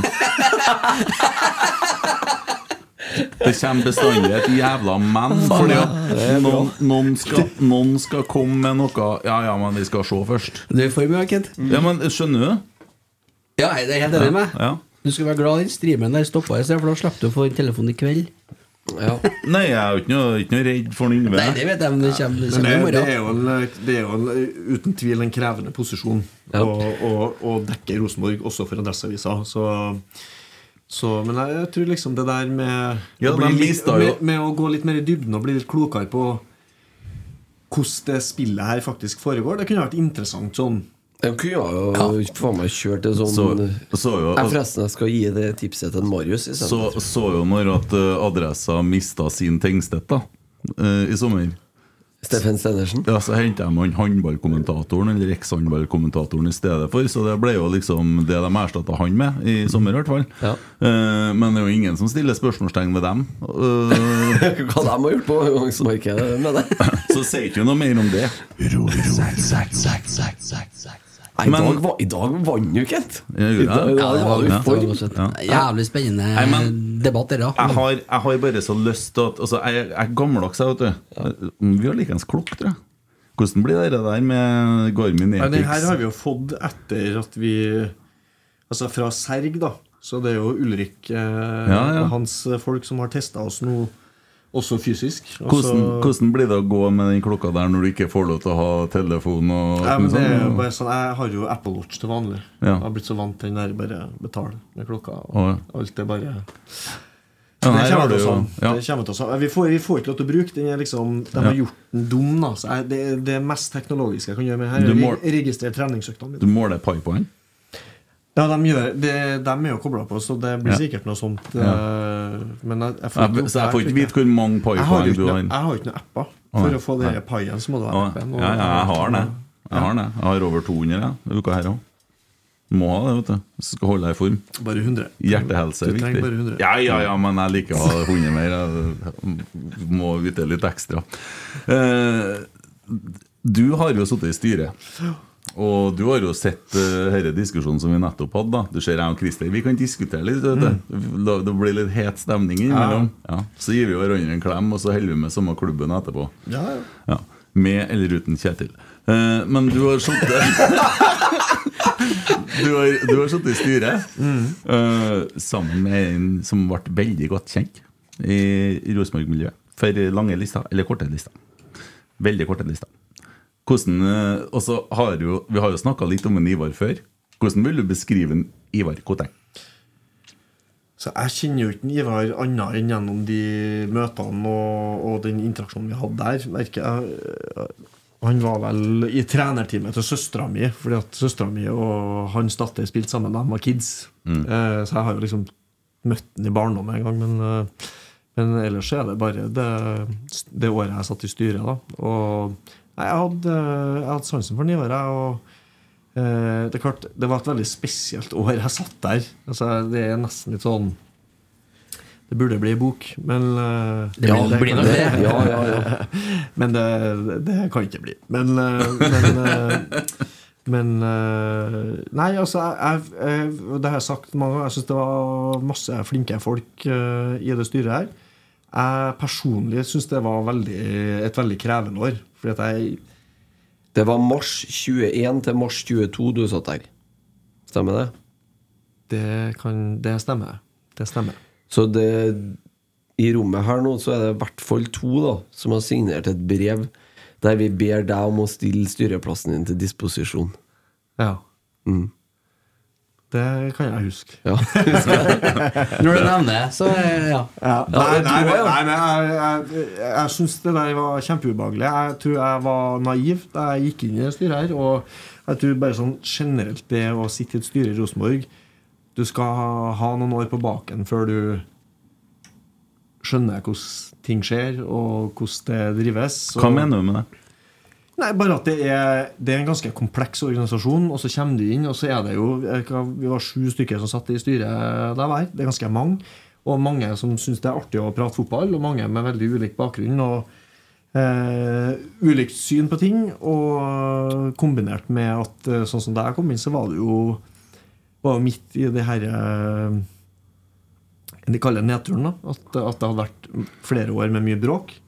Og noen som hadde sittet i Altså, jeg, jeg følte vel at det var en klubb som kanskje bar litt preg av, av mye støy da de siste årene. Og, og så sitter man der, og så har man jo lyst til å eh, bidra på et vis, men samtidig så skjønner man jo at her er det Her er det Det er ganske kompleks materie, og, og man må nesten skjønne hva som skjer. Du Da- må dypt i matrisen, Men som da, Tommy sier. ja, da, må, da, må jeg, da må jeg få stille et litt Det kan være et vanskelig spørsmål. Ja, Du kan velge å la være å svare på Ja. det, og du må ikke hate meg etterpå. Nei, nei, nei, det går bra. Jeg hater ingen det. Nei, jeg må ikke bli sur på meg. Jeg må ikke slutte å snakke med meg heller. Nei, bra. Eh, at uh, du sier at man bør ha noen år på baken før man går inn i det Rosenborg-styret. Mm. Eh, så velger vi å fusjonere med Trondheim-Søren. Og så i stedet for å ha sju i styret, så har vi da elleve i styret. Mm. Eh, ikke veldig mange av dem fra derifra har veldig mye Rosenborg-erfaring. Blir du da bekymra? Nei, jeg, jeg blir ikke bekymra, men jeg tror nok at på sikt så må man Og det skal man jo, man skal ned på antallet, men jeg tror liksom at det at det er mm, veldig Veldig mange Det er, det er ikke så lett. Dere vet nå hvordan sånn er alle forum hvor man sitter og Det er mange som skal mene eh, noe. Eh, så det er både på effektivitet og, og også å få liksom kokt den etter kjernen. Fordi Mm. når du sitter og diskuterer en problemstilling, så kan det jo være at hvis du er elleve stykker, da, så ser jo folk plukker jo ulike ting ut av det. Så det er ikke sikkert man egentlig diskuterer det samme, selv om man problemstillinga ligger der. Så at det, men, men planen er vel at det skal ned. Jeg vil jo Det skal ned til sju pluss varer. Pluss Ja, én vare. ja, så åtte. Og jeg tror jeg, Sånn Jeg ville ha tenkt at litt færre hadde vært bedre. Sånn bare Så da, da Du skulle ha tenkt deg kutta enda mer, da? Jeg tenker at det Husk at du snakker med valgkomiteen nå, så hvis du vil inn i styret, så må du svare riktig. Altså, jeg- for det første vil jeg bare si at jeg av Når det sitter sju i det styret jeg satt i, da, så er det sikkert sju totalt ulike oppfatninger av verden. Så jeg har ikke lyst til å snakke så mye om om det er altså min erfaring. Nei, men det- men, men, men, når det gjelder antallet, antallet så øh, Jeg er, litt, jeg er litt usikker, men på en måte så tenker jeg at det, hadde man vært færre, så hadde det vært lettere å liksom eh, konsolidere det, det man ønsker. Eh, men det er også avhengig av at man måtte finner Det er en balanse her mellom å finne folk som ser likt på ting, men også klarer å utfordre fra ulike perspektiver. Så jeg, det er, det er kjempevanskelig. Og så vil jeg si, si liksom det, Når jeg prater om det året der, så enig er jo at jeg har, har ikke sittet i så mange styrer fra før. Og det kan jo både være en styrke og, og en svakhet. Det, ikke sant? At du rent eh, prosedyremessig at du ikke er, er vant til det. Eh, og så Jeg lot meg prege av, av eh, støyen. Jeg syns det var ubehagelig. Og så når vi prater om det her med mediedekning og press på spillet og sånn Og jeg var perifer, et forholdsvis perifert styremedlem, så han var ikke den som fikk Jeg måtte ikke bear the brunt av det hatet. jeg Selv, selv Jeg om tror ikke det var én person i verden som hadde deg i tankene når man skrev det brevet der. Nei, nei, men, jo, men, jo, men altså, man er jo, jo, men man er jo en del av det. Så det, det, er ikke- det er ikke noe sånn Jeg skal ikke på ingen måte fraskrive meg noe ansvar for det, eh, det jeg gjorde året jeg satt i styret. Men, men eh, jeg, jeg syns det var kjempeubehagelig. Synes jeg, det var ikke det For meg er sånn jeg har lyst Grunnen til at jeg har lyst til å holde på med fotball, er jo for at det er artig. Det er det artigste jeg vet. Og når folk er så sinte, og det er så mye agg, og, og så bare Det syns ikke jeg er artig. Og, og det kan være at jeg bare er lik og konfliktsky og alt sånt her. Og det, Nei, men du har da hatt Vegard Hansen som trener, ikke sant? nei, men, nei, men eh, skjønner du hva jeg mener? At, Ja. at liksom jeg, det, var, det var ikke for meg. Altså, Mm. det, det, og det kan være at jeg, jeg tror kanskje jeg var naiv og tenkte liksom at den rollen og det vi skal holde med, er noe annet eh, enn, det, enn det det er. Kan, kan jeg spørre om had- Hadde du en rolle i styret? Altså, ok, skal vi spille 4-3-3, eller sånn Mike, så må du svare på. Du var ikke et sportslig alibi, du? Eller, eller, Eller var det? Nei, jeg vet ikke hva jeg var egentlig. Nei, Skjeden spilte fotball, og det kunne han umulig være. Nei, nei, men altså Nei, Jeg tulla. Jeg tulla. Ja, nei, men det- var du har helt rett. Det var, det var en artig åpning. Det var en sånn ferdigskåra. Ja, nei, øh, nei, jeg, følte jeg kanskje at jeg var var mer der. til stede på møtene. jeg følte ikke jeg hadde noe eh, Og det er kanskje så at de som har mer fartstid, naturlig at de tar litt mer uh, posisjoner Ja. og sånn. Uh, Men, du, du, men litt tilbake til han eh, vi begynte å snakke om nå. For at du, du hadde en sånn artig beskrivelse. Skal ikke oute Ivar på noen måte. Jeg liker Ivar veldig godt. Vi hadde han her i poden. Det var en nydelig episode. Han er en fantastisk morsom fyr. da Mm. Men du snakka en gang om intelligensen hans. Ja, altså det, det Jeg opplevde Ivar som at han var helt voldsomt kjapt å se det store Altså det hele bildet. Veldig kjapp til å se sammenhengene. Og så cut to the chase. Liksom. Eh, sånn er det. Og sånn som jeg er jo Jeg må skrive romaner for å sammenfatte tankene mine, så jeg bruker jo tid.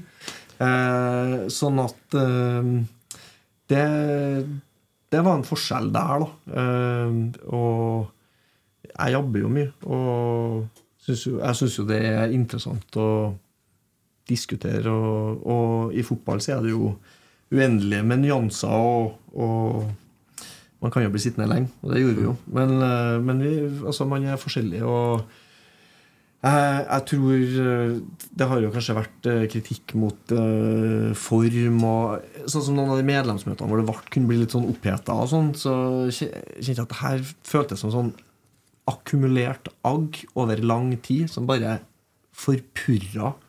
For jeg husker det, Vi, vi snakka utenom, og en del av de som var kanskje sintes på medlemsmøtet. Ja, altså jeg og du, ja. ja, ja, ja, og så når vi Når jeg prater med ja, det, er det er jo også en ubehagelig situasjon, for du står der, og folk er så jævlig forbanna. Og så bare Du vil jo prate med medlemmene, og man, man vil jo liksom ha en dialog. Eh, samtidig som at man må ha en rolleforståelse og ikke kan stå der og love bort ting eller liksom gjøre deals. Og det der, men jevnt over så det å snakke sammen sitte ned og prate sammen og ha en dialog. Ofte så eh, Så lenge alle har en forståelse Det opplevde jeg med deg og Christer, at når vi prata sammen, så var det veldig sånn åpent om om det der, og en forståelse for hva man, hva man kunne gjøre. Og, så kunne man, og dermed kunne man også prate ganske fritt, uten at det ble noe sånne forventning om at det eller det skal skje Ja, ja. som en konsekvens av det. Um, og det, den Det må jo være nøkkelen, tenker jeg, i hvert fall at man har dialog. ja, og jeg, man tror, prater med folk. ja, og jeg tror den kommunikasjonen der Kanskje i hvert fall var min, min oppfatning at i løpet av det året jeg satt i styret, så var ikke den kommunikasjonen optimal. Da. Eh, Kom jeg på en ting Eller var du ferdig? Ja, Ja. Når dere sier det der Du er den eneste jeg har prata For jeg er jo ikke sånn type som får rennende brakker og har masse spørsmål og sånn. Men, men vi snakka sammen ganske mange timer, vi òg. Mm. Og det, jeg, det var gode samtaler, men jeg, jeg vil jeg ta feil, det kan du svare på nå. Jeg følte du hadde behov for å prate med noen som ikke kauka tilbake. som eller, ikke var meg? Ja, eller var kritisk, eller eh, Nei, nei, jeg, jeg har ikke noe problem med at folk er kritiske, men man kan jo bli litt sånn herre Nei, men som du sier, det er deilig å få liksom ja, prate ja, men jeg tror liksom det derre uh, Sparring av ideer og, Ja, ja. og den derre Ja, rett og slett den sparringa er så utrolig viktig. Jeg tror også i en, en sånn situasjon så, så må alle parter ha forståelse for at din virkelighet, eller det jeg oppfatter som sannheten, er ikke nødvendigvis sannheten for alle andre. Så om vi alle skal trekke i samme ende av tauet, så må du gi avkall på noen ting. Og, og du må også akseptere at andre ser det på et litt annet vis.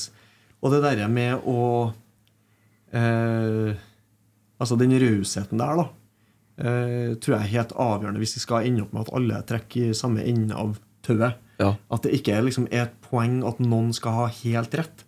Fordi, altså Det er det er, jeg, jeg, har snakka med masse folk, supportere, som jeg mener Jeg tenker jeg kan lese det Falken-kameratene skriver òg. Og tenker Ja. at det er masse gode, relevante poeng. Til, altså, her Men det er jo ikke noe fasit. Nei, nei, men det er masse folk som skjønner veldig mye, men det er ingen som skjønner alt. Og, og det er heller ikke sånn at virkeligheten alltid samsvarer med liksom, utopien eller hvordan du ønsker at det skal være. Og det er sånn som det, Men altså, så er det en ting til der, da. Og det er jo at alle vi som står rundt, vi vet jo så mye mindre enn som sitter inne i det styrerommet. Ja, og det tror jeg også er et, eh, et viktig poeng. Og, og, og, og det er jo vanskelig å si noe om. Altså, Ja. det, det kan ikke jeg Nei, men Det går an å si det så generelt, for når man sitter i styret, så vet man jo alt. Altså Hva som foregår, hva, hva premissene, hva Ja. som ikke funker. For det der, da kommer jo alle rammene opp. Ja. Men jeg tror, jeg tror liksom det der med sinne og aggresjon da Og jeg skjønner at eh, over tid når frustrasjonen bygger seg opp, så, så kan man bli sint, og man er redd for at klubben går i feil retning. og alt sånt der. Men konsekvensen noen ganger er jo at noen at, at når den kommunikasjonen bryter ned Roar Vikvang sa det da det var, var Det var rett etter at eh, Svein hadde tatt over. Reka hadde fått sparken. Så sa, sa han, og det var bare en sånn interessant måte å formulere det på, men han sa det her med å miste seg sjøl. Altså man må liksom passe på at folk ikke mister seg sjøl det. Og godfotteori er jo liksom det å sørge for at Altså bygge opp folk på det de er gode på. Hvem som helst kan jo peke på folk og si hva de er ræva til.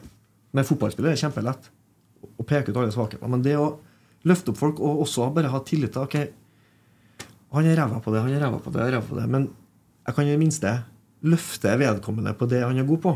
Og tro, jeg har sett masse backer som, når de har, som er jævlig dårlige til å drible. Men så får de en tydelig rolle i 4-3-3. Trener opp i mellomrom på indreløperen. Og så begynner han å få til det, og så ja, begynner rytmen å sitte. og Da kommer på overlapp. Og plutselig så er det han backen som ikke har touch i hele tatt, som har de lengste dribleraidene. Fordi at det å lykkes med det du er god på ja, Du har en jævla god pasningsfot, du skal trene opp i mellomrommet. her.' Det er det, det er det vi skal bruke deg til. Så skjer det noe med Det skjer noe med folk, da. Når du får lov til å bruke det du er god på. Men hvis omgivelsene hele tida er opptatt av det du ikke får til altså, Det er ingen som blir god der. Og, her, og da, da mener jeg hele organisasjonen, da, ikke bare spillere, ikke bare trenere. Ikke, men liksom at folk må Jeg sitter i klasserommet som lærer Ikke sant? At du Hvor mange ganger har ikke jeg sittet på teamtid med lærerne og prata om den ene eleven? Ja, ingen som får den til. Jeg er urolig. Ah, pyton. Får ikke en skit og alt sånt der. Og så driver man bare og prater om hvordan man skal løse alle problemene. Og det gjør man jo ved å liksom sette vedkommende ofte i situasjonen hvor han ikke, altså hvor han skal liksom enda en gang bli konfrontert med det som er svakheten. Selv om intensjonen er god, da. Men så, Hvor mange ganger har jeg ikke tatt med elever ut på tur i skauen, og så han som er helt ubrukelig i engelsk Plutselig prater han jo kav amerikaner. For de driver og leker krig. Ja. Og da er det jo sånn at han er jo en gamer.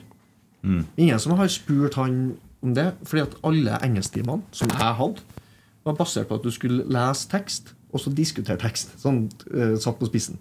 Og hvis du ikke kan å lese, så er det ikke så lett å delta muntlig. Selv om han sitter og, Så det her med å være villig til å se folk i et nytt lys, sette dem i en kontekst, gi dem et lys som gjør at de kjenner seg trygge på å prestere. Og, da, da, og det tenker jeg der, det savner jeg litt Rosenborg. Altså, vi snakker godfotteori, så det er for meg å være opptatt Spillerlogistikk, f.eks.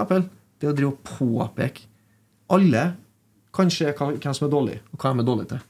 Men evnen til å se en, egen, en egenskap og si ja, det er puslespillbrikken vi skal ha inn i den rollen der. Og jeg driter i hva, at du ikke får til det, eller får til det, får til det. Det er liksom Bjørn Otto Brakstad det på, når han ble tatt opp og Trond Solid brakk foten. Og alle sa til Nils Arne Eggen at han er jo Han er jo så keitete. Han er jo så keitete. Og Nils Arne Eggen så på han, han er jo 1,94. Han skal jo være keitete. Og det han skal gjøre i laget mitt, så går det bra, det. Skal være ryddig gutt. Så Ja, ikke- men, det, eh, det var et Ja, langt resonnement. Men, men det, det henger sammen med den derre Så jeg merka på meg sjøl at jeg bare Jeg syns det var så ubehagelig, det derre trøkket og det sinnet og den følelsen av at jeg sitter her, jeg har lyst til å prate med folk, jeg har lyst til å Men det er liksom bare Men jeg, jeg, jeg kjenner at jeg blir litt lei meg når du sier det der òg, for at eh, det har vært snakk om det tidligere. Holder vi på å bli en klubb som blir utrenbar, for vi sparker folk og, Men det, man skyter jo veldig mye på sine egne. Eh, og det er mye sinne, det har vært mye drit. Og eh, jeg syns jo du er en fantastisk person, og eh, er helt sikker på at du har bidratt godt i styret òg. Og når det blir sånn, og du sitter og sier det du sier nå, så er det egentlig litt til ettertanke til omgivelsene. Hvordan folk opptrer. jeg, jeg tror det er viktig å si at jeg mener ikke at man ikke skal Man skal selvfølgelig være, ha takhøyde og kritikk, og alt sånt, men jeg tror Vi må ha en genuin tro på at alle vil klubben vel. Ja. Og det føler jeg var, det, var en så, det er en sånn mistenkeliggjøring av motivene og intensjonene til folk. Mm.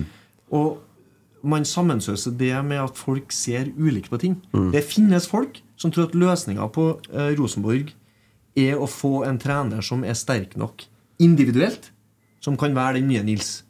Det er det mange drømmer om. Mm. De aller fleste skjønner at det kommer ikke til å skje. Mm. Eller de aller fleste skjønner ikke det, men, men veldig mange av oss forstår jo at det kommer aldri en ny Nils Arne. Ja, jeg føler egentlig motsatt. At de, de aller fleste i, Hansen og Jensen eh, går og venter på det. På en, på en eh, ny Og så føler jeg at det er Ja, ja, ja, veldig ja, mindretall ja. som mener at man må bli klubbstyrt i stedet. Ja, eh, du har helt rett. Eh, motsatt av det jeg sa. Mm. Altså, de aller fleste har lyst på den sterke lederen, for det er veldig trygt å forholde seg til. Det er veldig sånn tydelige Det ser du liksom når den diskusjonen som har vært siden den Kåre-rettssaken. Hvem er øverste sportslige leder? Du skal liksom ha noen å pin the blame on. Ja. Og det fører jo med seg en sånn kultur hvor Jo, jo, men man er, Det er litt sånn fryktbasert. Man er redd kan, for å bli det må klubben ta litt skylda for sjøl òg. at før, vet du, når vi henta spillere på 90-tallet, så var det vi som henta en spiller. Altså, vi skjønte jo Det var noen ganske enkle linjer. Mens nå så er det Nei, han henter han, men han hadde ansvaret for det. Nei, det, det er teknisk hjerte, og der er det flere som sitter, og det er sånn og det er sånn. Det er liksom det, Alt det der greiene der, det er ikke noe som tydelig ansvar. Ut, Sett utenfra i offentlig sektor i Norge så kalles det der for eh, ansvarspulverisering. Jeg kaller det for supperåd, jeg, sånn som en kaller den eh, Harald Edelsten. Men det er jo veldig fin Det er veldig interessant det du sier. Og så er det Jeg bare må rette opp meg sjøl. Det høres ut av at det er som et supperåd. Jeg mener ikke at det er et supperåd, men det høres ut som et supperåd. Ja. Eh, og det er jo en veldig sånn fin balansegang der, da. Mm. For på en måte så er Rosenborg en prestasjonsbedrift i underholdningsbransjen. Det er kun til for å skape positive resultat på en fotballbane for å glede for, for dem som vil, Mm. har lyst. På en annen måte så må det jo Og da må det jo stilles krav til at du skal bli best. Men så er jo det den hårfine balansegangen. Hvor tøft kan du på en måte Kan omgivelsene skru til stikker da i krav eh, Det før, det, før det blir for stramt? Ja, jeg, tror jo, jeg, jeg håper jo egentlig at vi, eh, med den nedturen som har vært nå, at det kan bidra. Og det har det jo for så vidt gjort. For at, at det bidrar til en slags nullstilling uten at man mister så Derfor er det befriende når Ola Selnes kommer tilbake og sier vi skal tilbake til der vi hører hjem. Altså, det vil vi høre. Men samtidig, det å Den derre Men Birger Løfaldli sier at vi skal se det først. Nei, nei, ja, men altså Jo, men det er, det er et eller annet med Ikke sitt her og gled deg. Ikke du, da. det er et eller annet med den derre eh. Man er opptatt av at Rosenborg skal være en vinnerklubb, og at det er appellen. Men så liksom tenker jeg at grovt forenkla så er det ofte sånn at er det, viktig, er det viktigere å vinne eller er det viktigere å spille god fotball? Ofte henger de sammen. Ikke alltid henger de sammen, men ofte henger de sammen. Men ofte så lander man på at nei, Rosenborg er en vinnerklubb, vi skal være nummer én, vi skal være størst, og så velger man strategi eller retning ut ifra det. Ja, det, det er ikke det viktigste for meg. Nei, det nei. viktigste for meg er at når jeg går på Lerkendal, så, så går jeg dit for å se et lag som spiller fotball på en bestemt måte. Ja, ja. For det er jo, jo, jo, den det, klubben det, det, det, som Men det mener jeg at jeg, jeg kan være helt enig med deg Ja. i det. Når jeg sitter med min seks år gamle eller sju år gamle datter, Mm. så vet jeg at den eneste måten å få hun til å virkelig engasjere seg i kampen, det er målsjanser og mål. At Rosenborg eh, angriper. Så Hvis Rosenborg angriper hele tida, det skjer masse ting i kampen, så kan de nesten til og med tape hvis de skårer masse mål. Satt på spissen. Skal helst ikke gjøre det, nei. Det er artigst når de vinner. Men hvis det er 0-0, hvis det ikke skjer en dritt, da er det ikke artig å ta med hun på kamp. Så, men eh, det interessante er jo at det, Og det her vet, vet man jo. Det er bare prat. At, at, eh, at eh, når man klarer å jobbe etter en filosofi og en prestasjons utvikle en prestasjonskultur som er veldig tydelig I Rosenborg så kommer resultatene. Så enkelt er det. Hvis du gjør det, så, så Fordi at det er Det er så mye fetere å være på et godt lag i Trondheim enn noe annet sted. Ja, og så sånn jevnt over så er nok nivået litt høyere her enn det egentlig i Stabæk eller i Brann eller Ja. Det var, var nå det, i hvert fall. Torsdagsbikkja. Torsdagsbikkja, vet du. Vi har fått spørsmål fra Torsdagsbikkja. Det må flytte dere videre. Vi skal, skal ikke sitte her. Jeg har tross alt noen timer igjen av bursdag. Eh, mulig jeg skal hjem og få en bursdagsgave. skal fylle ut av. Det er et eh, veldig godt poeng. Men For må, eh, jeg må se hvordan jeg ligger an der, men det kan hende jeg må sette på en sånn YouTube-video. ja, ja, men la den gå, jeg. Eh, anbefaler uh, for eksempel uh, Torsdagsbikkja spør Michael. Nå må du følge med, altså. Jeg følger med. Jeg Ja, på ja, ja, det er sånn med tenåringer sitter på skjermen. Vi skal seks-sju år tilbake til en kveld på Sentrum Scene og konsert med Stein Torleif Bjella. Maken til ivrig og de dedikert publikummer skal man lete et, lenge etter. At, er dette per dags dato din beste konsertopplevelse? Åh, jeg må tenke når jeg har vært på noen Stein Torleif Bjella-konserter. Ok, Jeg er spent på hvor det er en informant. Er Ja. Nei, det, det er informant, vet du. Torsdagsbikkja det er en fantastisk person. Hver gang vi har gjest, så kommer han med såpass dybde i spørsmålene. jeg, må- jeg må bare si at det, jeg er stor Te- Stein Torleif Bjella-fan. Eh, har vært uh, i mange år. Uh, jeg var på Er dere uenige her? Aldri hørt om det. Jeg- må bare si at, min- mitt forrige Har jeg ikke hørt om den, du heller? Er det kødd? Jeg skal fortelle deg nøyaktig når jeg oppdaga den. For jeg hadde egentlig ikke oppdaga den, men så så jeg Trygdekontoret med Thomas Seltzer. Da de hadde musikalsk innslag til slutt. Da var han der, da var det en eh, Jeg tror samtalen handla om menn. Det var litt sånn Anders Behring Breivik eh, Altså hvorfor er det bare menn? Hva er problemet med menn, liksom? Og da sang han Bjella ei låt som heter 'Heidersmenn'. Ja. Som dere skal bare hjem og høre. Det er en ja. fantastisk låt. Ja, har- En kompis av meg har gitt ut den en eh, sånn eh, litt digitalisert versjon. eh, Sivert uh, Mo. Veldig fin. Uh, Stein Torleif Billa spilte inn uh, en del album der jeg spilte inn mitt siste album, Ja. uh, til Eirik Øyen på Otter- Otterøya. Men det er vel han Kjartan i DumDum som er liksom the main man, som produserer eh, albumene hans. Jo, jeg tror nok Eirik Ja. har vært med litt. Og Eirik Ja, ja, ja. Men uh, også Men den konserten der Den ble avslutta med en uh, sang som heter Bloomen. Mm. Og den har en sånn gitar Så det var bare en gitarbattle. Altså en solo, gitarsolo-battle. Jeg vet ikke hva man kaller det, du er Mm. fagmann her, da. Men, uh, og da er, er, det han, er det Geir Jorde han heter, som er liksom Norges, en av Norges ypperste gitarister. Ja. Den ender opp med at de står og battler. Eh, De holder på i seks, sju, åtte minutter. Ja. Og, spiller, og det er, det er så, han har med seg de ypperste eh, Ja. eh, musikerne i Ja. Norge. Det, det er så bra. Og så er han en veldig sterk tekstforfatter. Ja, helt, helt utrolig. Og, eh, og, og Geir Jorde, var ikke Er det han ikke For det nei, hva heter han? Geir og Eh, eh, Sundstøl? Sundstøl. Ja. Jeg- jeg står for- Jeg tenkte det noen jeg ikke har hørt om. Men det jo hyggelig, det. ja, men det var bra, det.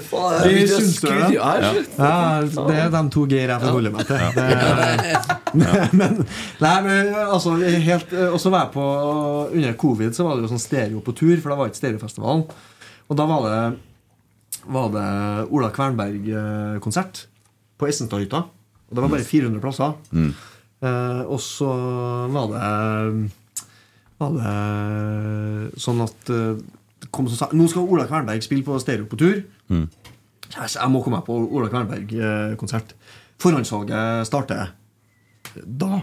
Mm. Så da hadde jeg på alarm, og så klokka tolv så var jeg inn, og så kjøpte jeg Kjøpte jeg to billetter, men så viste det seg at det var ikke billett til Ola Kvernberg. Jeg kjøpte, jeg kjøpte eh, pass til neste års stereo for å få tilgang til forhåndssalget. På, Oi. For jeg tenkte sånn, faen 4000 spenn for to konsertbilletter. Var det greit? helt sykt.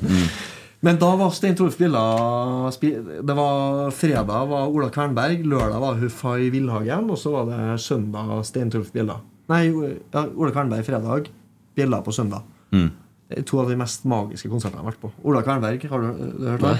Hva er det? Ikke Hva er det? Du må ikke spørre de to der om musikk, skjønner du. La meg at dere sjekker ut, da. Ja, ja, ja, Det skal jeg love deg. Eh, Jørgen uh, forteller her at dattera får et kapittel hver kveld, der også. Og vi storkoser oss med boka. God humor og spennende for store og små. Det er ei bra bok, Mark. Bra. Der Det er veldig hyggelig. Takk, Ja. uh, takk for det, Jørgen. Ja, og Sven eh, Biskår Sunde har vi sendt inn spørsmål, det tok vi jo innledningsvis. Og så kommer selvsagt et her om tatoveringer. En Kong Cato Holse spør om eh, hvor du mener tatoveringa av Ole Sæter skal være hen på kroppen min. Eh, ja, nei, jeg syns det, det er sikkert Jeg syns innsida av låret. Innsida av låret. Ja, Ja. Det blir ikke det, altså. Nei. Nei, du skal ha det her, du. Jeg skal ha det der, ja. framsida, ja. Det fineste plassen Jeg, sa, jeg tenkte jo Jeg syns det hadde vært så artig om uh, Rosenborg hadde laga lydbok, Mm. og at det hadde vært Carlo Holse som hadde lest inn lydboka Mm. av 'Jakten på Trollfoten'. Det tror jeg ikke ha Det var det ja. Grei øvelse. Jeg, jeg, hørte den på, jeg hørte den på Rasmus og Saga nå. Det var helt Ja. sykt komisk. Dere trønderordene han har. Hvordan? Ja. Si hvordan. Ja. Hvor mye har du i lønn? Nei, jeg tuller bare. Jeg har bare hørt slutten på Rasmus' saga. De, jeg syns det er så frekt. Hvorfor må man vite hva folk har i lønn? Hva er greia der? Nei, det er litt Hvorfor sånn- går folk inn på skattelista for å se Ja, hva andre folk tjener? Det er litt tjener? sånn typisk norsk, da. Hva er naboen. Ja, for at, uh, Det var han Ole eller en Petter som spør han Carlo hva tjener du. Hæ? Ja, det er en privatsak. Ja, hvorfor skal vi vite det? Ikke hvis du jobber offentlig. Da blir du rett, da. Nå kan jeg fortelle dem at jeg tror det at uh, ligninga i år, da, for dem som er interessert, eller den neste ligninga som kommer, der kommer uten sign-on-fin til en eh, Markus Henriksen, så da blir det kanskje lettere å forstå hva han tjener i året. Mm. Uh, kan jeg erfare det, da. Ja. Det. Kan jeg, da kan jeg samtidig erfare at de, på den ligninga du der leser i samme tabell, så inneholder nok Carlo Holse sin lønn en sign-on-fee i og med at han forlenga kontrakten i fjor. Så har du opplyst om det òg. Ja, men Carlo Holse han har fått seg en ny klubb og flytta fra Norge. Ja, ja, jeg vet ikke om da, han kommer det var bare et for å Jeg kan informere deg om at den er solgt. Men eh, Informere deg om at vi snart skal hjem. det, ja, ja, men da må dere slutte å prate så lenge på hvert spørsmål. Eh, Rosenborg, Bodø-Glimt. Nei da. Eh, Fire trøndere på ei uke. Hender det, da? Ja. Vi var innom det i stad, var ikke ja, så vidt. Ja. Røsten, Nypan. Ja. Nypan er jo åtte måneder pluss, da, i tillegg til det han hadde. For å være litt Det er jo ikke mer. Da på en graviditet. Hm? Ja, la på en graviditet på han. Ja. Ja. Og så Nypan Nei, Røsten ut 20- 2027. Ja. Og um, Ole ut 2027. Og Ole ut- Selnes og Ja. Sæter ut 26. ja.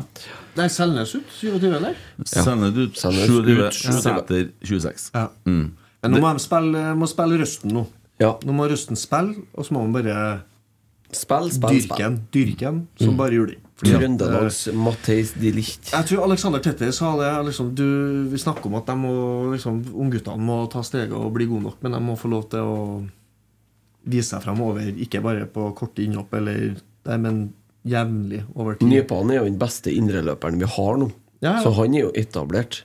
Og da er det mulighet for å slippe inn en ny en. Ja, du må, men du må tørre. Når du får øh, tillit over tid, så skjer det noe med for, Du slipper å drive og lure på spiller? Og Selv om du er ung, og selv om treneren sier ja, men det, vi, vi har en plan for det. Hvis du får ubetinga tillit, så skjer det et eller annet med måten du tar plass på, på en bane. Yes. Eh, nei, men det var ei god uke, da. Og så håper vi jo fortsatt at det kommer en stopper og en viking eh, en gang. Men det blir vel ikke før i januar, antagelig, så vi må vel eh, klare oss med det vi har. Burde man hente hjem eh, Broholm eh, nå som vi mangler ving, eller eh, skal vi la han fortsette å utvikle seg i Kristiansund? Det vet jo du litt om. Du har jo vært litt ute og spilt i sånne ligaer òg. Jeg tenker Hvis han spiller fast i Kristiansund, så, og hadde ikke noe tanke om at han skulle gjøre det her, så er det bedre å være der og spille, Mm. og så få en uh, preseason. Men jeg tror liksom det Få noen vinger som uh, stikker inn i bakrom. Mm. Nå, nå, det har uh, vært helt krise at det ikke er noe trussel Ja, inn bak. ja, altså du, du leter etter alt det andre. Altså, tvert du får en trussel inn bak, så skjer det noe med alt det andre. Mm. Og med Selnes nå, skal finne indreløpere inn i mellomrommet, så må du skape det mellomrommet. Men, men du, du har jo litt uh, følelser for Ranheim òg. Du har jo vært der. Ja, Uh, følger du Ranheim noe særlig nå? Litt for lite, egentlig. Det er bare småbarns... Det er ikke sånn at du kan mene noe om Ruben Alte? Nei. Jeg så, jeg så Jeg var på Edo Ramen ved Mm. Credo her. Her var det tidligere i sommer. Mm. Og da så jeg han eh, Jon Ho Sæter, Mm. eh, Ruben Halte og han Sondre Langås Mm. kom gående forbi. Og uh, da var jo de litt sånn het, da. De Ja. hadde jo akkurat vært og trent til Rosenborg. Så de gikk det mulig jeg, eh, sprer fals, fake news her, da. Men jeg syns de gikk med hver sin frossenpizza. Da tenkte jeg det må vi jobbe med. Kostholdet. Men eh, det kan jo ha vært en sånn veldig sunn Kan jo være at det var til noen andre. Så. Ja, det kan være til noen andre. Ja, ja. Kanskje kjøpe til naboen. Nei, så Eneste vurderinga vi får deg, fra deg, er ganglaget til Ruben Alte med Ja. en frossenpizza Ja. i handa. Så han frisk ut? Ja, nei, så Foruten den frossenpizzaen så så det veldig bra ut. Så. Ja. Nei, jeg har, ikke noe, jeg har ikke noe formening om det. Jeg tenker Jeg tenker kanter. Så bare noen begynner Men, å springe eh, inn bak, så er jeg fornøyd. Altså. Jaden Nelson har vært tilbake mot Bodø-Glimt fra start, sikkert. Det tar jeg jo som en selvfølge at han er det. Ja Skarsheim skal vel ikke være på på vingen der noe mer nå. Og da har vi jo egentlig to rene kantspillere nå. Enen er litt mer på fotspiller, kanskje, Ja. Men det, de kan, greia mi er at de kan jo godt være på fot. Men må. Men du må inn Ja. bak, og du må få, få dem til å forholde seg til å springe mot eget mål. Mm. Fordi da, da får du det rommet i Mm. forkant. da Så Jaden Nilsen han vil jo bare ha den i fot, men jeg, jeg tror hvis du Hvis du får satt dem på noen prøver inn bak tidlig han er jo så rask, Ja, så det bare, er altså, ikke noe grunn til å ikke bare slipp Ja. den ballen gjennom. Da kan det bli artig. Ja. Er det solgt 15 000 mot Bodø-Glimt nå? Du kommer dit etterpå. Jeg som bestemmer her, ikke du. Uh, du skal, ja, du skal svare deg senere. Uh, Du skal få en gjettekonkurranse nå. Ok Ja, Uh, I går så hadde Emil Eide Eriksen og Christer Nesse fått for seg en idé. Vi hadde igjen to rotsekkskjorter med den gamle logoen på, med bilde av en onkel. Vet du, Han står oppe i klokkesingen og skal til å smekke til han fyren fra Osen. Så fant de ut at vi auksjonerer bort de skjortene til inntekt for gatelaget. Gjett hva den dyreste skjorta ble solgt for. Og så har vi snakka om ei rotsekk T-skjorte. Det her er et veldig vanskelig spørsmål. Ja, for det legges opp til noe her. Ja, for det er sånn, som at det er T-skjorte. Så er det sånn jeg tar i for mye. Det er litt sånn rart. Hvis jeg tar i Og så har han liksom har- Han er jævlig fornøyd med den summen her. Eh, så det er noe mye. Det er mye. Den har gått for mye. Skjønner vi. Ei T-skjorte. Ei T-skjorte. Ja. Det må være over 1000 spenn, sikkert. Du må si Jeg kan fortelle at den billigste ble solgt for 3000. Ja, ok Skal vi si 6000, da? Emil, hva er svaret? 10 500. Å, inn i helsike! Det er jo så bra. Det er gatelaget. Det, Det, altså, Ja, ble det- fantastisk. den som gikk for tre, gikk for tre beint, den. Ja, den gikk for tre. Altså, gikk for 13-5 til gatelaget i går, da. Men tenk deg å våkne på søndagsmorgenen med ei T-skjorte som en tillegg fikk signert fra oss. Så han våkna nok med, opp med ei T-skjorte utapå hvittskjorta si, han, eh, for den ble, eh, ble litt signert, den skjorta under òg. Ja.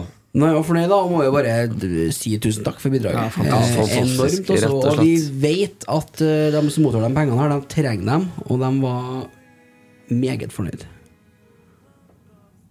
Jeg bare holdt på å skulle høre etter om jeg hadde en sånn artig greie, så jeg spilte inn en sang en gang som passer så jævlig bra til Rosenborg. Men det var litt feil. Jeg skal finne Det blir, det blir kjempeartig. Bare snakk videre.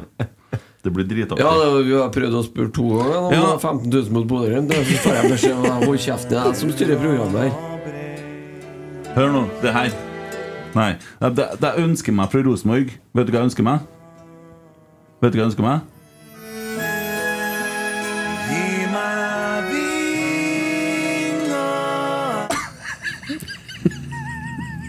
Nei, gi meg målsjanse, sier jeg heller. Hvor skal du fly hen? Artig. Tok ikke den? Gi meg vinger. Ja. Ja, nei, ok. Hvor skal vi hen? Fly? Bare nevne at i går så hadde vi jo var så heldige og fikk han eh, Svein Bilsgaard Sunde. Han tok en sånn eh, glory hall, eh, fire minutter, eh, med musikk i bakgrunnen. til vår alles kjære banemester Anders Øyen. Gjør det? Ja. Anders var der. Og det ble meget rørende for Anders. Det kan ja. Og ikke bare for han, tror jeg. Nei, det Nei. var Det var ikke et tørt øye i salen ja. Det var alle 125 i salen klarte faktisk å være stille de fire minuttene òg. Mm. Ja. Og det, ja, nei, det, var, det var så gåsehudfaktor på det der at du aner ikke. Men den poden legges ut, eller? Nei, det Må ha vært her. Da, da har vi faktisk Så Geir Arne hadde i hvert fall vært borte i ti år etter hvis vi hadde lagt ned. Da, og da tenker jeg altså, Da har han vært på sånn sikringsanstalt, sikkert. Så nei, det blir ikke Men det ligger noe klipp på X, ser jeg. Ja, det har Ja. kommet Ja. på X. Ja, det er noe det det Jeg kunne tenke meg å ha hørt den Glory Hole der. da. Ja. Men jeg, jeg ba han om å ta han i Heia Fotball, da. Så Ja, vær så snill og gjør det. Ja. Ja. Får du ei T-skjorte.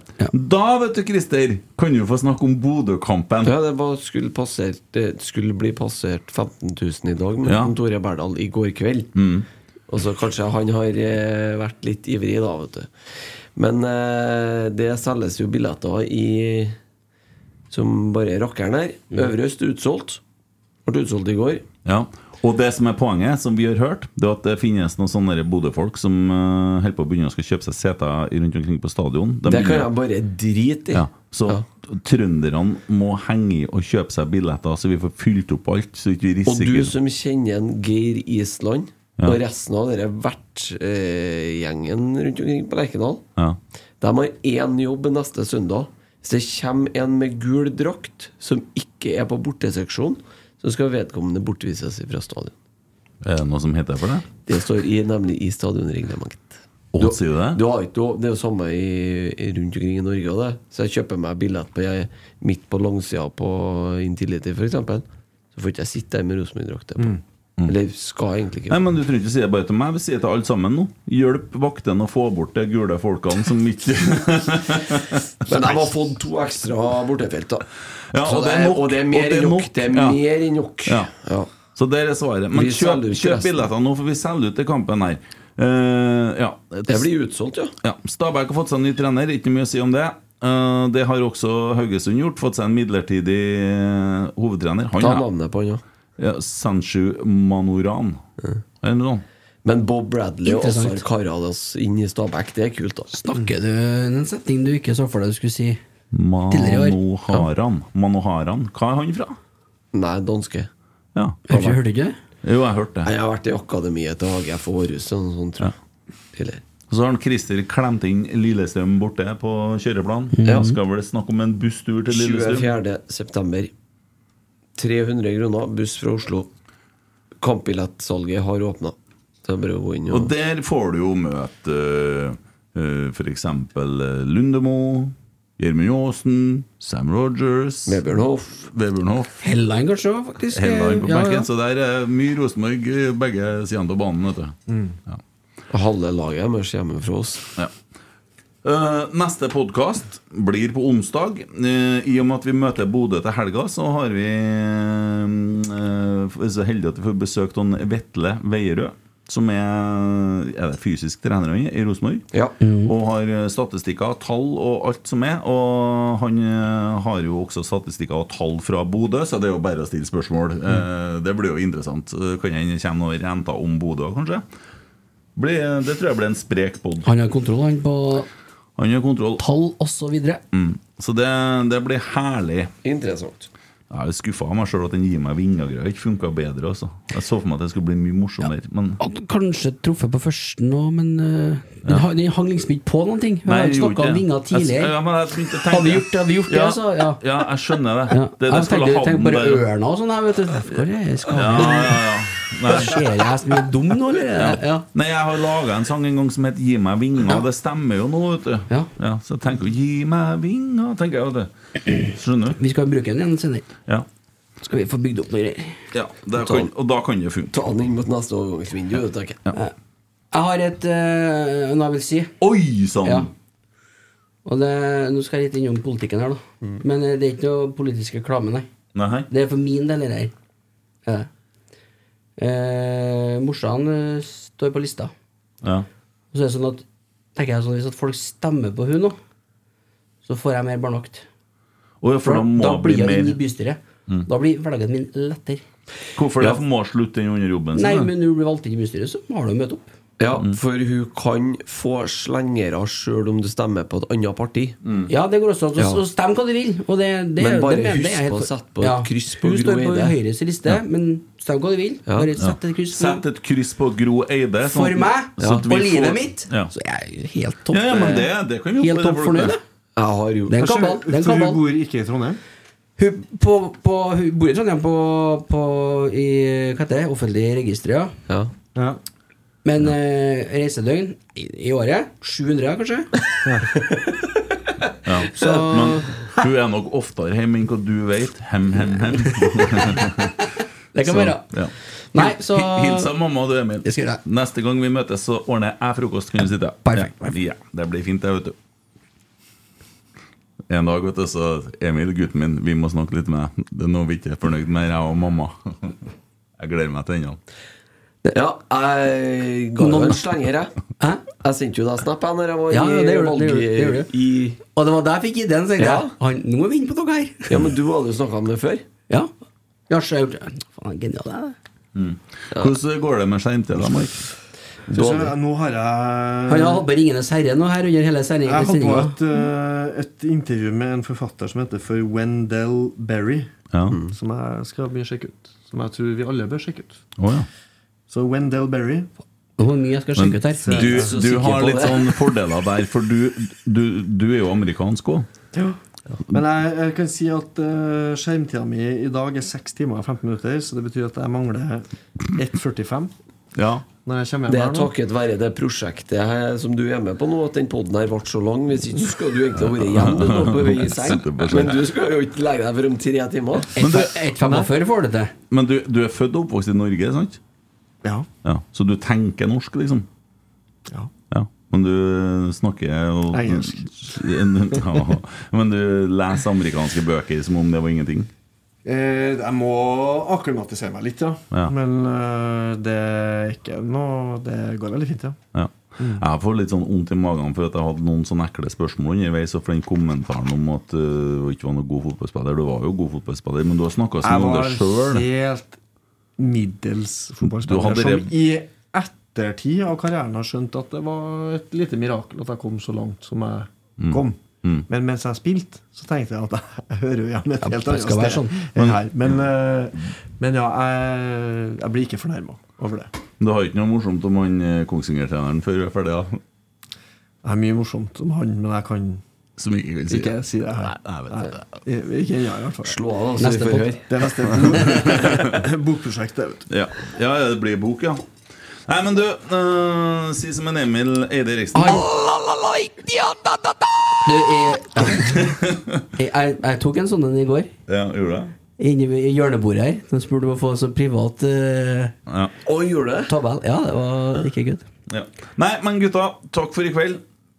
Og Takk Mike, tusen takk for tida. Kjøp boka, alle sammen. Det er, det, det er den verdt. Det er den absolutt verdt. Ja. Ja, det, er for det er hyggelig, og vi har lyst til å gjøre mer. Altså, vi har lyst til å lage et uh, univers, og det hjelper på det hvis uh, da Rosenborg Rosenborg er veldig positiv, dem. Så vi, det er så mye å leke seg med, så det er mye vi kan ta tak i. Takk for i dag.